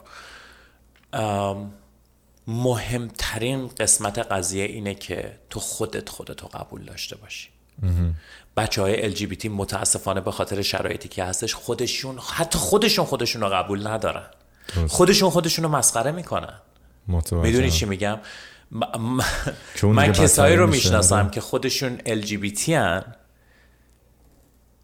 همین امروز نه قضیه مال ده سال 20 سال پیش هم نیست. بله. همین امروز میان یک, یک کس دیگر رو که اونم LGBT برای اینکه اون شلش. کمبودای خودشون رو بپوشونن دست به دست میدن با به بقیه و شروع میکنن مسخره کردنش. این بدبختی ما رو میاره. وقتی تو یه نفر رو مسخره میکنی یعنی داری خودتو مسخره میکنی. بله. یعنی تو خودتو قبول نداری. بله. چطور یه ترنس میتونه یه گیو مسخره کنه؟ درست میگی. به نظر تو. یا برعکس. موقعی میتونه این کارو بکنه که خودشو قبول نداشته بله. باشه تو وقتی با خودت نتونستی کنار بیای با بقیه هم نمیای. مهمترین اصل قضیه اینه که بچه ها باید خودشون رو قبول داشته باشن. تا بتونن از بقیه توقع داشته باشن که اوکی تو هم باید منو قبول, قبول داشته باشی. دقیقاً. دقیقا. ولی تو وقتی خودت هنوز نمیدونی قبول نکردی تو چی هستی؟ چی جوری میخوای بقیه تموش تو رو قبول کنن؟ تموش. خیلی قشنگه. این تنها چیز و مهمترین چیزیه که من دوست داشتم راجبش حتما صحبت و توی این قبول کردن چه نکته ای رو میتونی بهشون بگی که کمکشون بکنه بتونن راحت تر خودشون رو قبول کنن؟ چی کمک تو کرد؟ من به شخصه چیزی که به من خیلی کمک کرد این بودش که میگم حرف دیگران برام مهم نباشه. انقدر نشینم فکر کنم که اوکی جاوید رو یه جوری بسازمش که عرص دوستش داشته باشه که بابام دوستش داشته باشه که مامانم دوستش داشته باشه. جاوید باید اون کسی باشه که من خودم دوستش دارم. درسته. میدونی چی میگم؟ جاوید اگر تو نتونی خودت باشی و خودتو دوست داشته باشی هرگز نمیتونی کسی دیگر رو دوست داشته باشی. همونطوری که هستی خودتو دوست داشته باشی چون نکته اصلشونه درسته. دقیقا. و صد درصد بهترین نکته اشاره کردی آره. تو اگه خودت رو دوست نداشته باشی اونطوری که هستی همیشه داری ادای دوست داشتن بقیه هم در میاری دقیقا. چون نمیتونی اصلا بفهمی و, ت... و تجربه کنی دوست داشتن از درون یعنی چی دقیقا. و همش اون اکته همش ادا در آوردنه دقیقا میدونید این مهمترین چیزی که آدم باید اول خودش رو قبول داشته باشه. تو وقتی خودت رو قبول داشته باشی برای خودت یه سری فاکتورها رو بچینی که اوکی اینا من جاوید کسیه که این چیزا براش مهمه. درسته. این باعث میشه وقتی که تو تو ترکیه هستی و انتخاب میتونی بکنی که امریکا بری استرالیا بری کانادا بیای بشینی فکر کنی که اوکی کدومش بیشتر به من میخوره. آیا دوست دارم برم امریکا.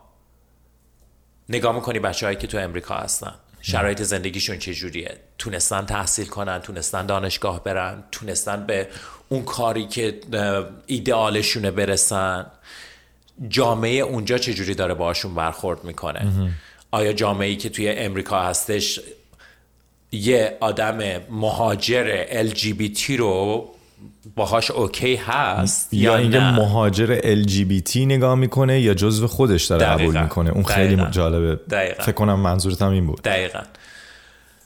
برای من من نتونستم اونا رو تو آمریکا پیدا کنم. توی بچه‌هایی که تو آمریکا زندگی میکردن تا اون موقع.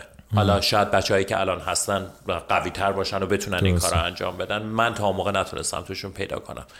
کانادا رو خیلی دوست داشتم به خاطر اینکه هم کانادا یا معروف بودن به اینکه خیلی مؤدبن خیلی هستن کانادایی ها هستن کانادایی ها هستن تو شرایط اینو داری که بتونی بری دانشگاه بدون اینکه جونت در بیاد بله. دیگه وقت نکنی درس بخونی بله. اینجا میتونی همچین کاریو بکنی میدیدم بچههایی که مثلا چا... اون موقع چهار سال پنج سال بودش اینجا زندگی میکردن درسشون رو خوندن اون درسی که دوست داشتن رفتن سراغ اون کاری که همیشه دوست داشتن انجام بدن. من نگاه میکردم میگفتم خب من برای من یه جایی مثل امریکا خیلی سخت میشه که بخوام با اون چیزی که دوست دارم برسم. مثل اینکه کانادا یه خود زمینش فراهمتره برا من. چون برخلاف این چیزی که توی تیوی میبینی که فکر میکنی که توی درگ شو امریکاست که خیلی قویه به خاطر روپال درگ ریس وقتی تو بدن قضیه میری میبینی که واو این بزرگی که کامیونیتی LGBT توی تورنتو داره و این ولکامینگشون خیلی بیشتر از اون چیزیه که تو امریکاییاتو میبینی. این دلیل بعدی هم بودش که اومدم به جای اینکه امریکا برم اومدم اینجا. صد درصد. چقدرم خوب. خیلی خوب شیر کردی. خیلی خوب بود.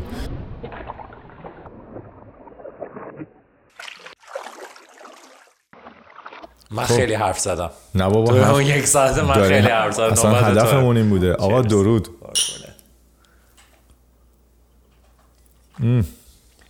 خیلی خوشمزه است من اصلا فکر نمی کردم خوشمزه باشه اون تعریف هایی که سروش ازش کردم الان فکر کنم یه تلخ بدمزه سروش هم نگفت تلخه میدونی چی گفت خیلی قویه به خاطر اینکه مثلا دو تا از اینا بخوری قشنگ حس گرمای درون تو حس میکنی به خاطر اینکه این واقعا بهت میگم این داروه نگاه کن به خاطر الکل الکلش نیستش به خاطر این اسپایس اسپایسایی که توشه اون این چوب چوب درخت دیگه ام. و فقط هم توی جزایر جزایر کارائیبه توی مخصوصا کریبین بعد آره توش اه اه در واقع میشه رام و او این دست سازه نه آره شراب قرمز و رام دارک اسپایس رام با همینجا بذاریش اوکیه با واین قرمز و سپایس رام دارکه با حالا اینا خودشون بهش اصل میزنن من به جاش بهش ارگانیک میپل سیروپ میزنم چون خیلی کامل بعد اصلا این واقعا نگاه کن انگار داروه اصلا همون نگاه کن چه خیلی خفنه این حالا فردا بهت میگم چیه بذار برم خونه ببینم امشب چجوری میگذره چیزی نخوردی که بابا زنده من میرسم توی اتوبان به اون پای ماینا یا نه خب تمش که خیلی خوشمزه است من خیلی دوست داشتم همون مهمه دیگه. میخوام لذت شو ببری استاد. اینه بعد خوبیش به این که هی تموم میشه هی من درستش میکنم دیگه. چون چوبش هست هی میریزی توش. اوه. و چوبش هم میتونی از آمازون بگیری خودت درست میکنی. چه خوب. آره. عالی. چوبش هست. بعدا ازت میگیرم آره بعد میکنی تو بطری خودت همین میکسر رو بکن. پرفکت انقدر خوب میشه. بعد نچرال میل اینهانسر نه. Performance enhancer. Pitchy. Afrodisia. Beris, beriz بیشتر بریز منم یه بطری برای بردن لطفا من مهمونم من یه بطری برای ببرم تازه آقا پیام شما الان سینگلی کار دست خودت میدی یه بوتی ببری همون به چه دردت میخوره الان آره خانمش سینگل پیام خیلی هم پیام بچه گلیه منتها ما نمیدیمش به هیچ کس به کس کس نمیشه آقا بریم ادامه صحبت جاوید تا اینجا رو خیلی خوب اومدی دمت گرم خیلی خیلی خوب اومدی چه تجربه های قشنگی رو با اون به اشتراک گذاشتی بگو ببینم که رسیدی به کانادا و گفتی الان پنج سال کانادایی گفتی از کانادا راضی و توی به یه علتی تو پرژن درک شو رو شروع کردی میخوام بهم بگی که اصلا پرژن درک شو چی هست علتش چی بوده هدف چیه و چه کاری میکنی توی پرژن درگ شو چون میدونم توی پرژن درگ شو خب حالا به همون خواهی گفت خیلی ماجراها داشتی هنوزم ادامه داره و خوردی به پندمیک میدونی مثل همه بیزنس های دیگه حتی تو واقعا مثل ای که یه انجمن غیر انتفاعی هستی میدونی به بیزنس زیاد نمیخوره و... با تواسیفی که واسه من داشتی توضیح میدادی. بیشتر به انجمن خیریه میخوری تا بیزنس ولی اولش آره دقیقا. اول اینوستمنتت و میدونم که داری رو کامیونیتی اینوست میکنی رو خودت کام روی هدفت روی برنامه هات داری اینوست میکنی و مطمئنم به نتیجه میرسی. پس از اینجا شروع کنیم که تو به ما بگو پرژن درکشو اول چیه و چی شد که اصلا خواستی این کارو بکنی؟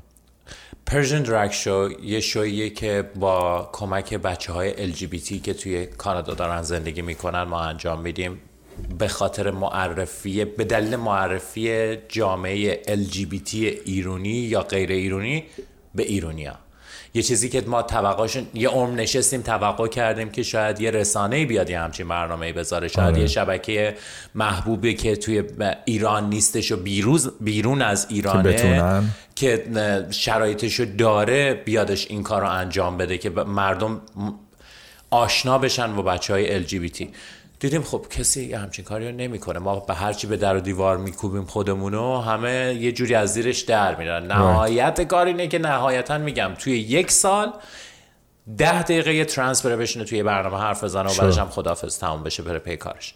خودتون اصلا زدید دقیقاً. و گفتید بیافتید دقیقاً. مثل همه چیزهای دیگه گفتیم که اوکی حالا که مردم ما رو مردم نه حالا که کسی نیستش که ما رو به مردم معرفی کنه خودمون خودمون این کارو sure. میکنیم کی بهتر از خودمون؟ بله کی چون... بهتر از تو؟ دقیقاً. بعد آیدیاش از اینجا شروع شدش که ببین کارهایی که توی پرژن درک شد شما میبینین لپسین کردن موزیک های خیلی شاده بازی هست.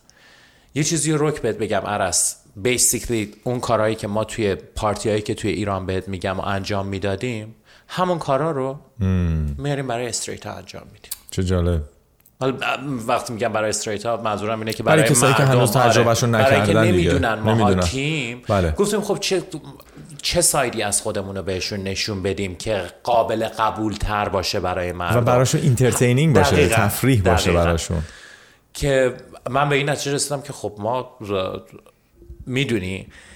من دوستای دختر توی ایران زیاد داشتم. وقتی که می اومدن چیزی که از زندگی من میدیدن اون قسمتی که توی مهمونی ها میدیدن از همه بیشتر براشون جالب بود. چون اصلا ندیده بودن یه همچین چیزایی رو. میدونی چی میگم؟ به خاطر همین گفتم اوکی حالا بذار ما همین رو ببینیم. اگه بذاریم جلوی مردم مردم مثلا برخوردشون چیه؟ با خیلی ترسون و لرزون این کار رو شروع کردیم. و میدونم سخت هم بود برای خیلی خیلی سخت بود خیلی سخت بود حالا جا پیدا کردن میدونی وقتی که اسم LGBT میاد وسط همه تنشون یه جورایی چیزی میگیرن یه جبهه میگیرن نسبت بهش پیدا کردن جایی که ما بتونیم توش برنامه رو بذاریم بزرگترین موزلی بودش که ما داشتیم ام. حتی توی جایی بودش که من خودم توی اونجا کار میکردم و خیلی با هم دیگه دوست بودیم و هستیم و همه چی هم اوکی بود ولی متاسفانه قبول نکردن. گفتن که نه ما مخالفش نیستیم ولی خب اینجا نه. اگه یه جای دیگر رو پیدا کنیم ما خودمونم هم میایم مثلا حمایتت هم میکنیم. Sure. تو منظور چیه اگه تو میخوای منو حمایت کنی داری به من میگی من بهت جا نمیدم ولی اگه یه جای دیگه تونستی پیدا کنی که برنامه تو اونجا بذاری من میام برنامه تو نگاه میکنم. این حمایت نیستش. تو همچین کار خاصی بر من انجام ندادی به خودت لطف کردی که میخوای یه شب بیای بشینی خوش بگذرونی و بعدش هم بری خونت این پیدا کردن جا بود برامون یه خورده مشکل بود که خدا رو شکر باز دو مرتبه میگم خود بچه های خودمون به فریادمون رسیدن. پرژن پلس نمیدونم میدونی یا نه ولی بیشتر کروش از بچه های LGBT هستن چه آشپزخونه چه جلو چه هر چه واقعا آقای غلامی آقا سعید دمشگر که برای من تعجبه که یه آقای آقا سعید که واقعا دقیقا. من همه جا گفتم مرده واقعا انسانه. انسانه. تنها جایی که ارسما من رفتم برای اینکه برنامه رو بذارم و خیلی نرمال با من برخورد شدش پرژن پلس بود. اصلا واقعا سعید عالیه تمام ایرونیایی که اینجا برکوت حال دارن و من بیشترش 90 درصدشون رو من رفتم باشون صحبت کردم اون 10 درصد هم میذاریم حالا کسایی که من نمیشناسم نمیدونم کجا ولی هیچ کس رد نمیکرد قیمت رو یه جوری به تو میداد. که اصلا تو بخوای خندت بگیره. آه. مثلا ما مثلا اگه قرار تیکت رو به مثلا بفروشیم 50 دلار به من میگفتش کاست تو 75 نفر 75 دلار نفری خواهد بود. آه. که اصلا غیر قابل شدنیه نمیگن بهت نه اینجا بله. چون جرأتشو ندارن که بهت نه بگن. بگه او نه برنامه مال ال جی بی تی هست ما نمیذاریم. تو نمیتونی همچین حرف پوستتو میکنن اینجا اگه همچین حرفی رو بزنی. ولی یه قیمت هچل هفتی میدادن به ما که ما مثلا خودمون دوممون رو میذاشتیم رو کولمون رو فرار میکرد متوجه هستم. دم آقا سعید کرد واقعا دم سعید کرد ببین چی بگم؟ از سرویس از همه چی هم میذاره در دستت. من میدونم. سعید پرژن با پلس سرویسی که به ما داد واقعا عالیان. اون پولی که از ما گرفت واقعا هیچی. من پول هیچی دادم بهشون. من پول ندادم اصلا بهشون. با اون سرویسی که به ما داد حمایت کرد. دقیقا. حمایت کرده. دقیقا. خب میدونی فرق بین آدمی که بیشتر بچههایی که براش کار میکنن LGBT LGBT با کسی که نه. ترجیح میده که مثلا حتی به ال جی بی تی کارم نده بله متوجه هستم با وجود اینکه اینجا تو تورنتو داره زندگی میکنه همینی که کارمنداش که... از همه طیفی هستن نشون میده که این شخص درونش چیه دقیقاً, دقیقا درست میگی نه اینکه تو 25 ولی یه چیزی بگم سعید حتی اگر کارمنداش هم نبودن باز همون کارو میکرد همون انسانیتو داشت من اونقدی نمیشناسم من, من میگم یه با همون اون سری باهاشون آره برخورد داشتم بگیم. که آره. میگم تو همون برخورد کوچیک انقدر به من لطف داشت انقدر حتی بعد از برنامه برنامه تموم شده بود باز با حرفایی رو به من زد چیزایی رو به من یاد داد که شاید من توقعشو داشتم از خیلی کسای دیگه یاد بگیرم بله. خیلی کسایی که خیلی طولانی مدت تر میشناسمشون نون و نمک باهاشون خوردم آقا سعید کسیه که میگم خیلی کوتاه من ش... باهاش برخورد داشتم شاید دو بله. بار سه بار بله خیلی نیم ساعت چل دقیقه نهایتا ولی انقدر ماه این آدم که آدم نمیدونه و من یه چیزی هم بگم حالا obviously به خاطر اینکه من همیشه میگم باید از انسانهای خوب و در کارهای خوب حمایت کرد. من اینو بگم که همه بدونن که اگر که داره میگه پرژن پلسی آقا سعید واقعا واقعا تاپ ترینه. یعنی فکر نکنید که یک جای داغونه که مثلا گفته من از خدام برنامه بیاد نه نه نه no, پرژن no. پلس واقعا تاپ تو کوالیتی توی کیترینگ توی سرویس تو همه چیش نامبر وانه و از اینی نبوده که لازم داشته. از اینی بوده که میخواسته این حرکت رو ساپورت کنه. ببین تعارف نداریم با هم دیگه مردم ما رو نمیشناختن. پرژم درگ شو رو کسی نمیشناسه. بله. رو حساب پرژم پلس رو حساب مم. اسم پرژم پلس ما نصف بیشتر مهمون اعتبار اومدن. بله. میدونی؟ اعتبار اونا جاشون بوده. دقیقاً. دمش گرم که این اعتبار رو به ما داد. خیلی واقعا دمش, دمش گرم. love you سعید. مرسی. کارت بازم به ما برنامه بده. مطمئنم میده مطمئنم میده خب پس چی شد برنامهتون رو گذاشتید و برای این بودش که گفتی میخواستید یک اگه پلتفرم بدی به کامیونیتی که کامیونیتی خودتون رو معرفی کنید بیشتر یه چیز دیگه من بگو کلمه درگ یعنی چی چون خیلی ها نمیدونن معناش یعنی چی اون کسی که داره درگ کوین بهش میگن میگی کلمش معنیش نه نه نه نه درگ کوین خانومایی هستن که نقش آقا رو روی استیج بازی میکنن و آقایونی که نقش خانم رو روی استیج بازی میکنن. اوکی. به همین سادگی. خب مثل آیا... اکبر عبدی. تو فیلم آدم برفی. مثل آدم برفی. کاری که ایشون کرد ایشون درگ کرده. به آكی. اصطلاح میگن که درگ کرده. آكی. یعنی که تو اینستاگرام هم خیلی ها این روزا دارن. مثلا پسرا روسری میکنن سرشون آره خیلی خیلی, خیلی. مثلا زنا رو در میارن. اون خیلی ساده شه. دقیقاً. خب یه سوالی. همونه به همون سادگی به همون سادگی حالا آیا درگ کوینا باید جزء LGBTQ باشن یا اینکه میتونن استریت باشن؟ نه میتونن.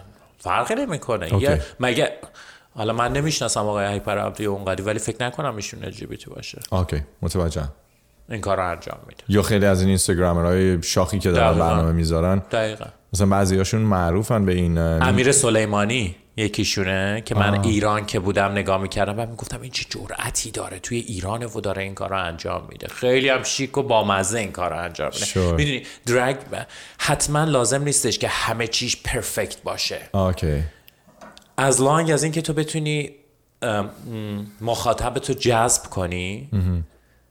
با یه سری چیزای کوچیک من یه پسر بچه‌ای رو میشناسم که فکر کنم توی کرمانشاه میشینه توی اینستاگرام دیدم اتفاقا منم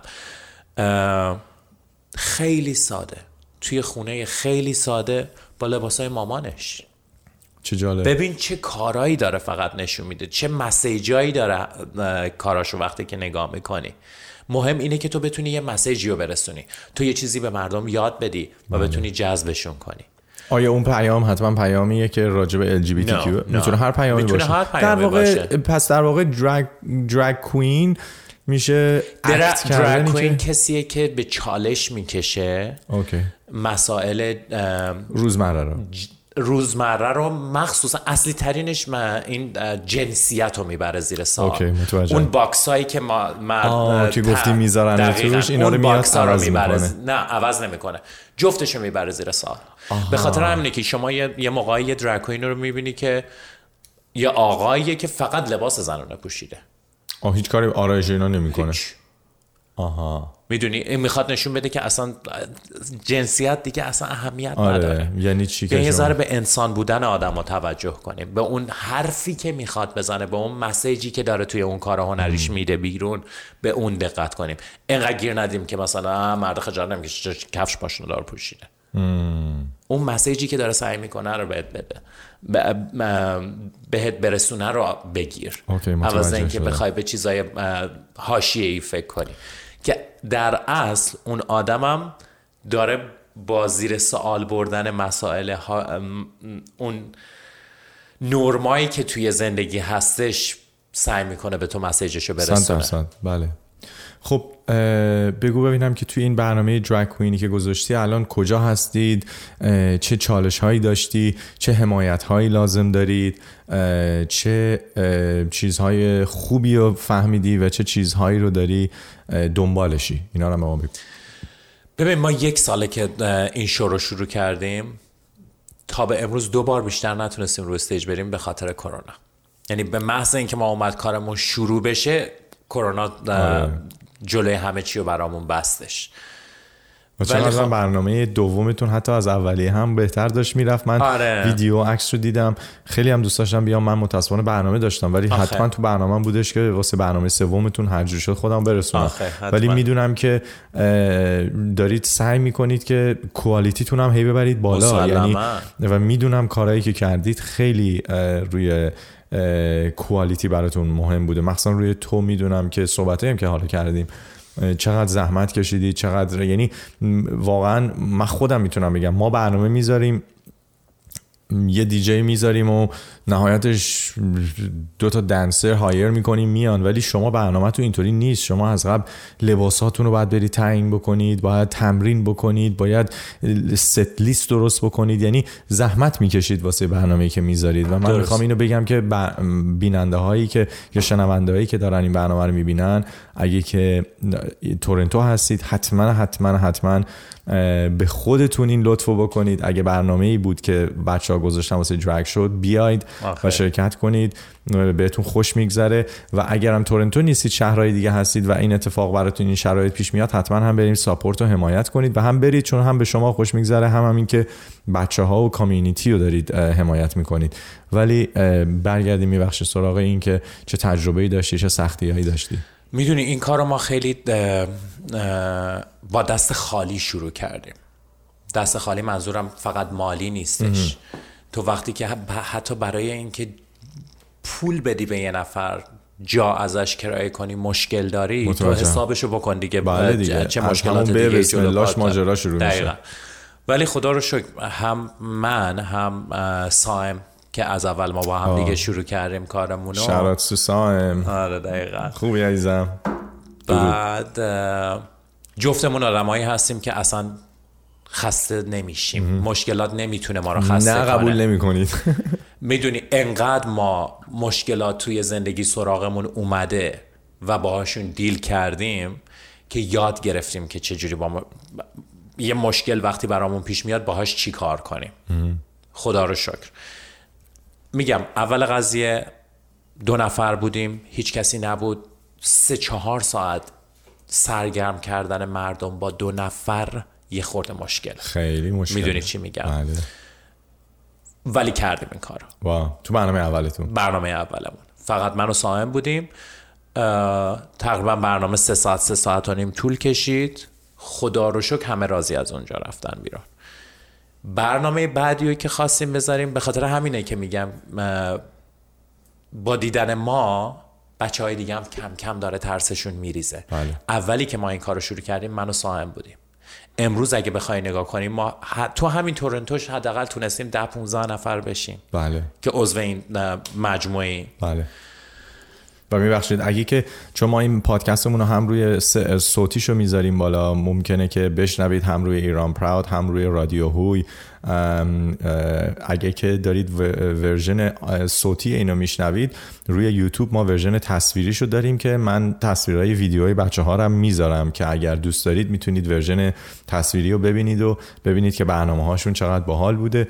میگم برنامه اول و من و ساهم با هم دیگه گذاشتیم. برنامه اول همون شبی که تموم شد ما نزدیک سه تا چهار تا از بچه ها اومدن گفتن که ما هم میخوایم کمک کنیم.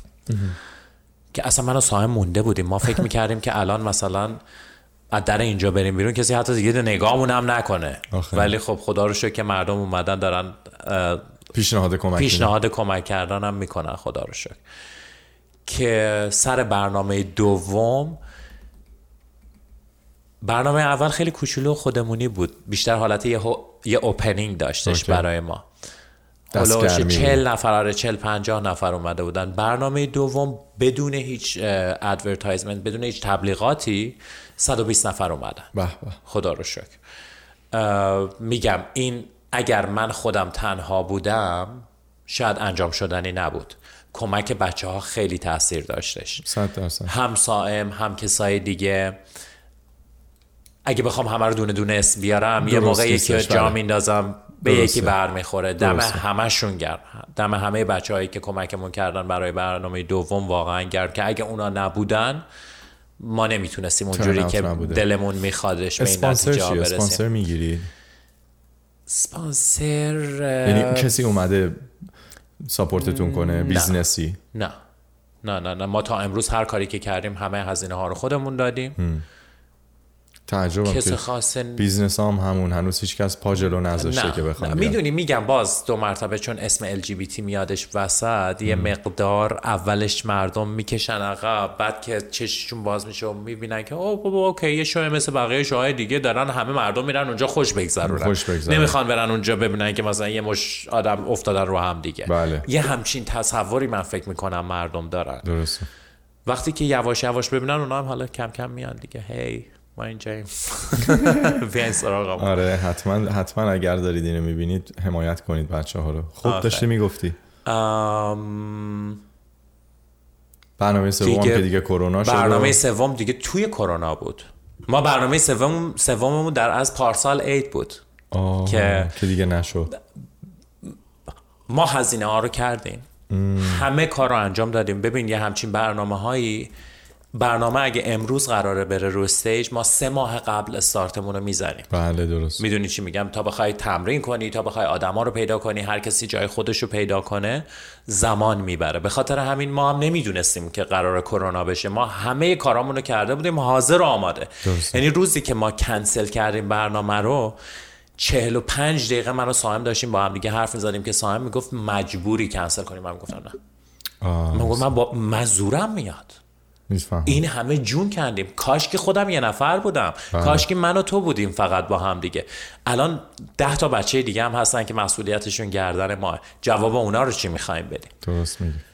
ولی خب دست آخر دیگه وقتی که میبینی که همه دارن میگن که خطرناکه تو هم دیگه میگه اوکی باشه خطرناکه, خطرناکه راست جون آدم ها خیلی بیشتر ارزش داره تا زحمتی که ما کشیدیم. ولی بازم اون زوره نذاشتش که من بشینم. نذاشت که بشینم تحمل کنم که اوکی کرونا تموم بشه. حالا اون موقع یه فکری براش میکنیم یه کاری میذاریم. اوکی حالا که نمیتونیم برنامه زنده بذاریم ویدیو درست میکنیم. ما یکی از ویدیوهایی که چند وقت دیگه قرار بیادش بیرون اولین ازدواج دو تا پسر ایرونی رو داره با هم دیگه نشون میده. اول تمام مشکلاتی که سر راه این بچه هستش تا بخواد. به صورت داکیومنتری یا فیلم؟ میوزیک ویدیوه ولی خب دا... چیز داره. داستان داره. اوکی چه جالب. آره. که نشون میده بچه چه مشکلاتی سر راهشه که بخواد بزرگ بشه با خانواده چه مشکلاتی داره با جامعه چه مشکلاتی داره. حالا میبینیم. به زودی. Sure. یه قسمت کوچیکش مونده که اون قسمت هم آقای شهریار اگه زودتر حالش خوب بشه ایشالا میتونیم تمامش کنیم آره تمام و بره پی کارش اون یه دونه ویدیو بودش که درست کردیم میگم آخراشه که بیادش بیرون پوریا چقدر زحمت کشیده برا ما پوریای افخمی بله. پوریا افخمی میشناسیش بله بله پیکس پیکساتو آره بچه های خوب تورنتو دقیقا تو ببین تیوی هم هست آره آره الان الان با تو میشینه آره الان با هم میشینه آره آره, تو آخرین فصل آخرین قسمت های این فصل دقیق درسته پوریا خیلی برامون زحمت کشیدش دیگه برات بگم هستن خیلی آدمای دیگه هستن هر روز که ما میریم جلو آره عرص باورت نمیشه یه جوری هستش که بعضی موقع من خودم شوک میشم بعضی موقع من خودم به خودم میگم که چه جوری اینا دارن میان جلو؟ اینا از کجا داره پیداشون میشه؟ یعنی هی میگی این وجود نداره اون وجود نداره ولی خب مثل اینکه اون بالایی که هستش که حواسش بهت هست. دمشون گرم واقعا. پارسال ج... جنیوری سال پیش ما شروع کردیم کارمون یک ساله که گذشته یک سال خورده یه که گذشته که این یک سال خورده 95 درصدش توی کرونا بوده. انقدر من میبینم هر روز ما داریم توی این کار پیشرفت میکنیم با کمک آدمایی که LGBT هم نیستن. بله بله. این خیلی شیرینه برا من. درسته. این خیلی شیرینه. عرص یه روزی شاید من فکرش حتی نمی کردم که یه کسی بیادش میگم آمیانه بهت بگم. یه بچه استریت بیاد بشینه با یه کسی که مثل من گیه بشینه انقدر راحت صحبت میکنه. کیف میکنم وقتی میبینم یه همچین چیزی پیش میادش. از اون تصوری که توی ایران توی ذهنت نشسته بوده که ما باید با هم باشیم همه با ما یه گروه دیگه دقیقا دقیقا. درست میگم اما موقعی که من این کار رو شروع کردم انگاری خدا داره دونه دونه به من نشون میده که ببین راه هست. انقدر راجع به مردم بد فکر نکن. انقدر فکر نکن همه استریت آدمای بدی هست استریت هست که الان داره کمکت میکنه بچه های خودتون هنوز جرأت اینو ندارن که بیان جلوی دور بین sure. اینا دارن برات اینجوری مایه میذارن دم همتون واقعا گرم We love you guys. I love you guys. دمتون yes. گرم واقعا خیلی داری زحمت میکشید خیلی هم میدونم مسیریه که همونجوری که گفتی اینقدر شما توش سختی کشیدید که دیگه الان چیزی نیست برای شما این این زحمت ها ولی میخوام برای اینکه این برنامه رو بتونیم رپ کنیم ازت بپرسم که آرزو چیه؟ چی چی شب بهت انرژی میده صبح بیدار شی؟ چی صبح بهت انرژی میده که کل روزتو طی کنی؟ یعنی امیدت اینه که به کجا؟ آرزوی من اینه که بتونم توی این دنیا یه قدمی بردارم که آدمایی که بعد من قرار زندگی کنن از این قدمه یه استفاده ای کرده باشن. میدونی چی میگم؟ شاید خیلی خندهدار باشه بعضی موقع خودم هم میخندم به این قضیه ولی باورت نمیشه عرص من اگه امشب بمیرم با خیال راحت میمیرم. میگم آخه من یه کاری کردم. تونستم یه قدمی بردارم تونستم مثلا یه شوی رو بذارم جلوی مردم که چششون نسبت به یه سری چیزهایی که نذاشته بودن مردم ببینن باز بشه.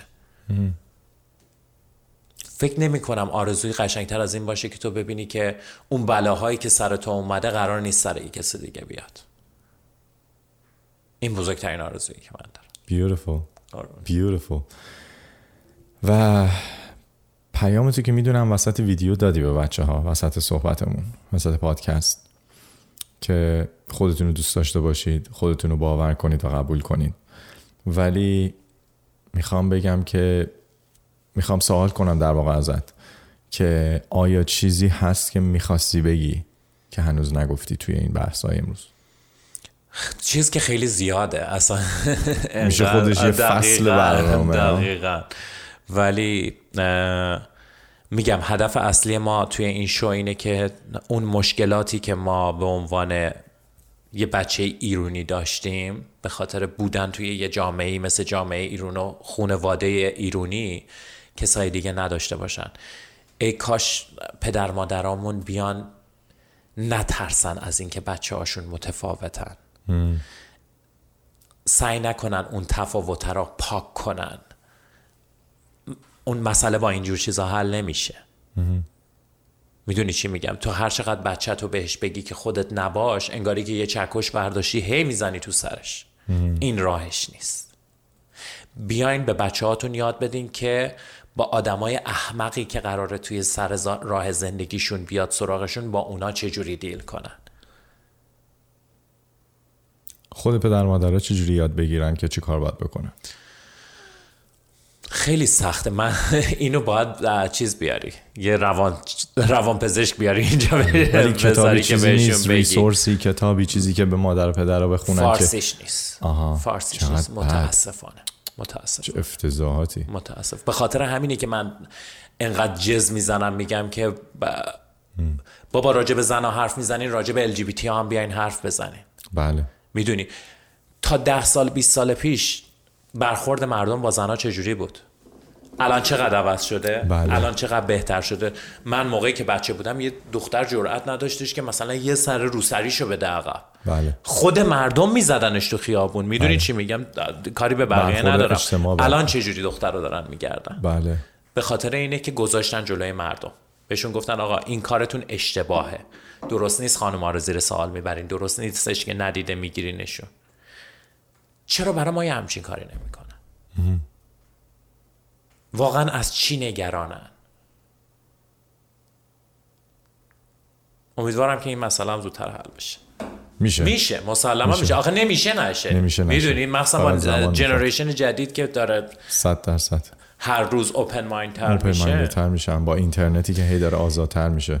و تنها چیزی که دلم میخوادش بگم اینه که بیاین یه جوری رفتار کنیم که اینقدر نوک دماغمون رو نبینیم. دیدتون رو باز کنید انقدر خودمون رو فقط نبینیم نگیم که او ما LGBT رو قبول نداریم پس فعلا اصلا توی برنامه همون نشونشون نمیدیم. بیاین اینجوری فکر کنین که اوکی سی سال پنجاه سال دیگه مردم راجع به رفتار امروز ما چی خواهند گفت؟ اگه امروز یه نفر بلند شده میتونه بیاد اما سوال کنه که چرا ما ال رو نشون نمیدین توی تلویزیونتون 50 سال دیگه طرف نمیاد اینجوری بهتون بگه. طرف میاد ایگنورت میکنه بابت اینکه این کارو براشون نکردی. قضاوت میشی. بله دیگه تاریخ اینقدر نوک دماغمون رو نبینیم. آینده هم یه خورده نگاه کنیم. بله. مسئولیتی که به اجتماع داریم. عالی مرسی خب I love you. مرسی مرسی واقعا خیلی عالی بود چقدر صحبت با حالی داشتیم با هم امیدوارم که تو هم مثل من از این لذت برده بودی و برده باشی و مطمئنم که بریم روی لانگ شاتمون و خدافزیمون رو بکنیم و مطمئنم که همه بیننده ها شنونده های ما چه ما رو روی یوتیوب دارید میبینید چه ما رو دارید روی پلتفرم های آدیو میشنوید امیدوارم که لذت بردید از این صحبت و میخواستم ازتون درخواست کنم. همونطوری که جاوید عزیز گفت یادتون باشه که وقتی که هر قشر اقلیتی که در اجتماع من حس میکنم از شماها از اکثریت تقاضای حمایت میکنه منظورشون این نیستش که بیاین مستقیما شاید پشت سر ما وایسی تظاهرات کنید تنها چیزی که ازتون میخوان اینه که دیدتون رو واز کنید و قضاوتشون من فکر میکنم نکنید این مسئله چه راجع به LGBTQ ها چه راجع به زن ها چه راجع به اقلیت های مذهبی توی ایران راجع به همه این تصدیق میکنه و من امیدوارم که روزی برسه که مردم ایران مخصوصا من الان صحبتم با شما هست امیدوارم به جایی برسه که ما همه بتونیم یک جوری کنار هم زندگی کنیم یک جوری همدیگر رو در آغوش بگیریم و از هم حمایت کنیم که هیچ ایرانی حس نکنه که جای زندگیش در وطن خودش نیست.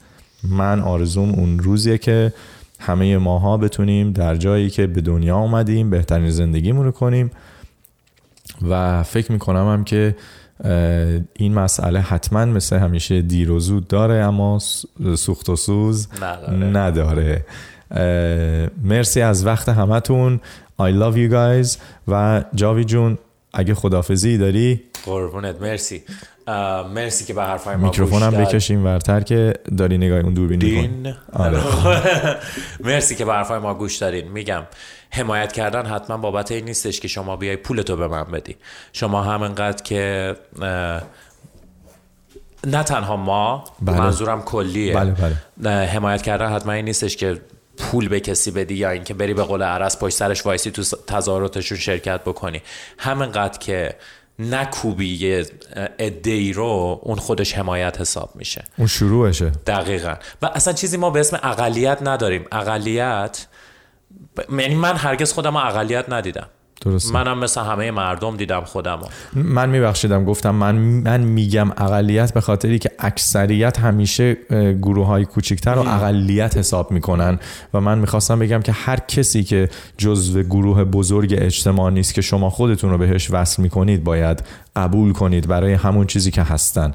لازم نیستش که اونا مثل شما باشن تا آدم خوبی باشن تا بتونن جزوی از اجتماع باشن. یه چیزی که میخواستم بگم اینه که خیلی خیلی خیلی از انسان هایی که در نقاط بسیار موفق اجتماع هستن استادای دانشگاه، اکتورا، پزشکا، پروفسورا، دکتر، مهندس، پلیس، فایرفایتر ما همه جا داریم کسایی که LGBT هستن و فکر نکنید که همون جوری که جاوید گفت LGBT ها فقط اونایی که شما بهشون توی خیابون دیدید و میتونید بر اساس دقیقا تشخیص بدید خیلی ها رو شما نمیتونید تشخیص بدید به خاطر اینکه حالا یا به خاطر اینکه ماها هممون آدمیم هیچ فرق نمیکنه دقیقا هیچ تفاوتی با هم دیگه نداریم هیچ فرقی نداره مثل اینی که من تو خیابون را میرم به کسی نمیگم که من شبا با یک دختر هستم فقط میخوام بدونید هیچی از همچه چیزی نمیگه هیچ کس هم لازم نیست بگه اگه اشتباه نکنم فرانکلین روزولت پرزیدنت آمریکا بود که برگشت گفتش که یا روزولت بود خدای من کی بود؟ که برگشت گفتش که بیزنس دولت و بیزنس دین این نیستش که مردم در اتاق خوابشون چه, چه کاری انجام میدن.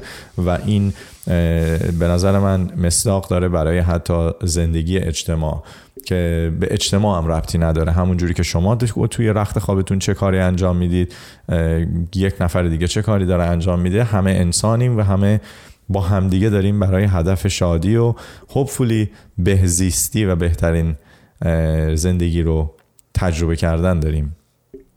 این زندگی کوتاهی رو که روی کره زمین داریم طی میکنیم. دقیقاً. Na, merci. Ali, دمتون گرم که حرفای ما رو گوش دادین. مرسی از تو. مرسی از تو که اومدی.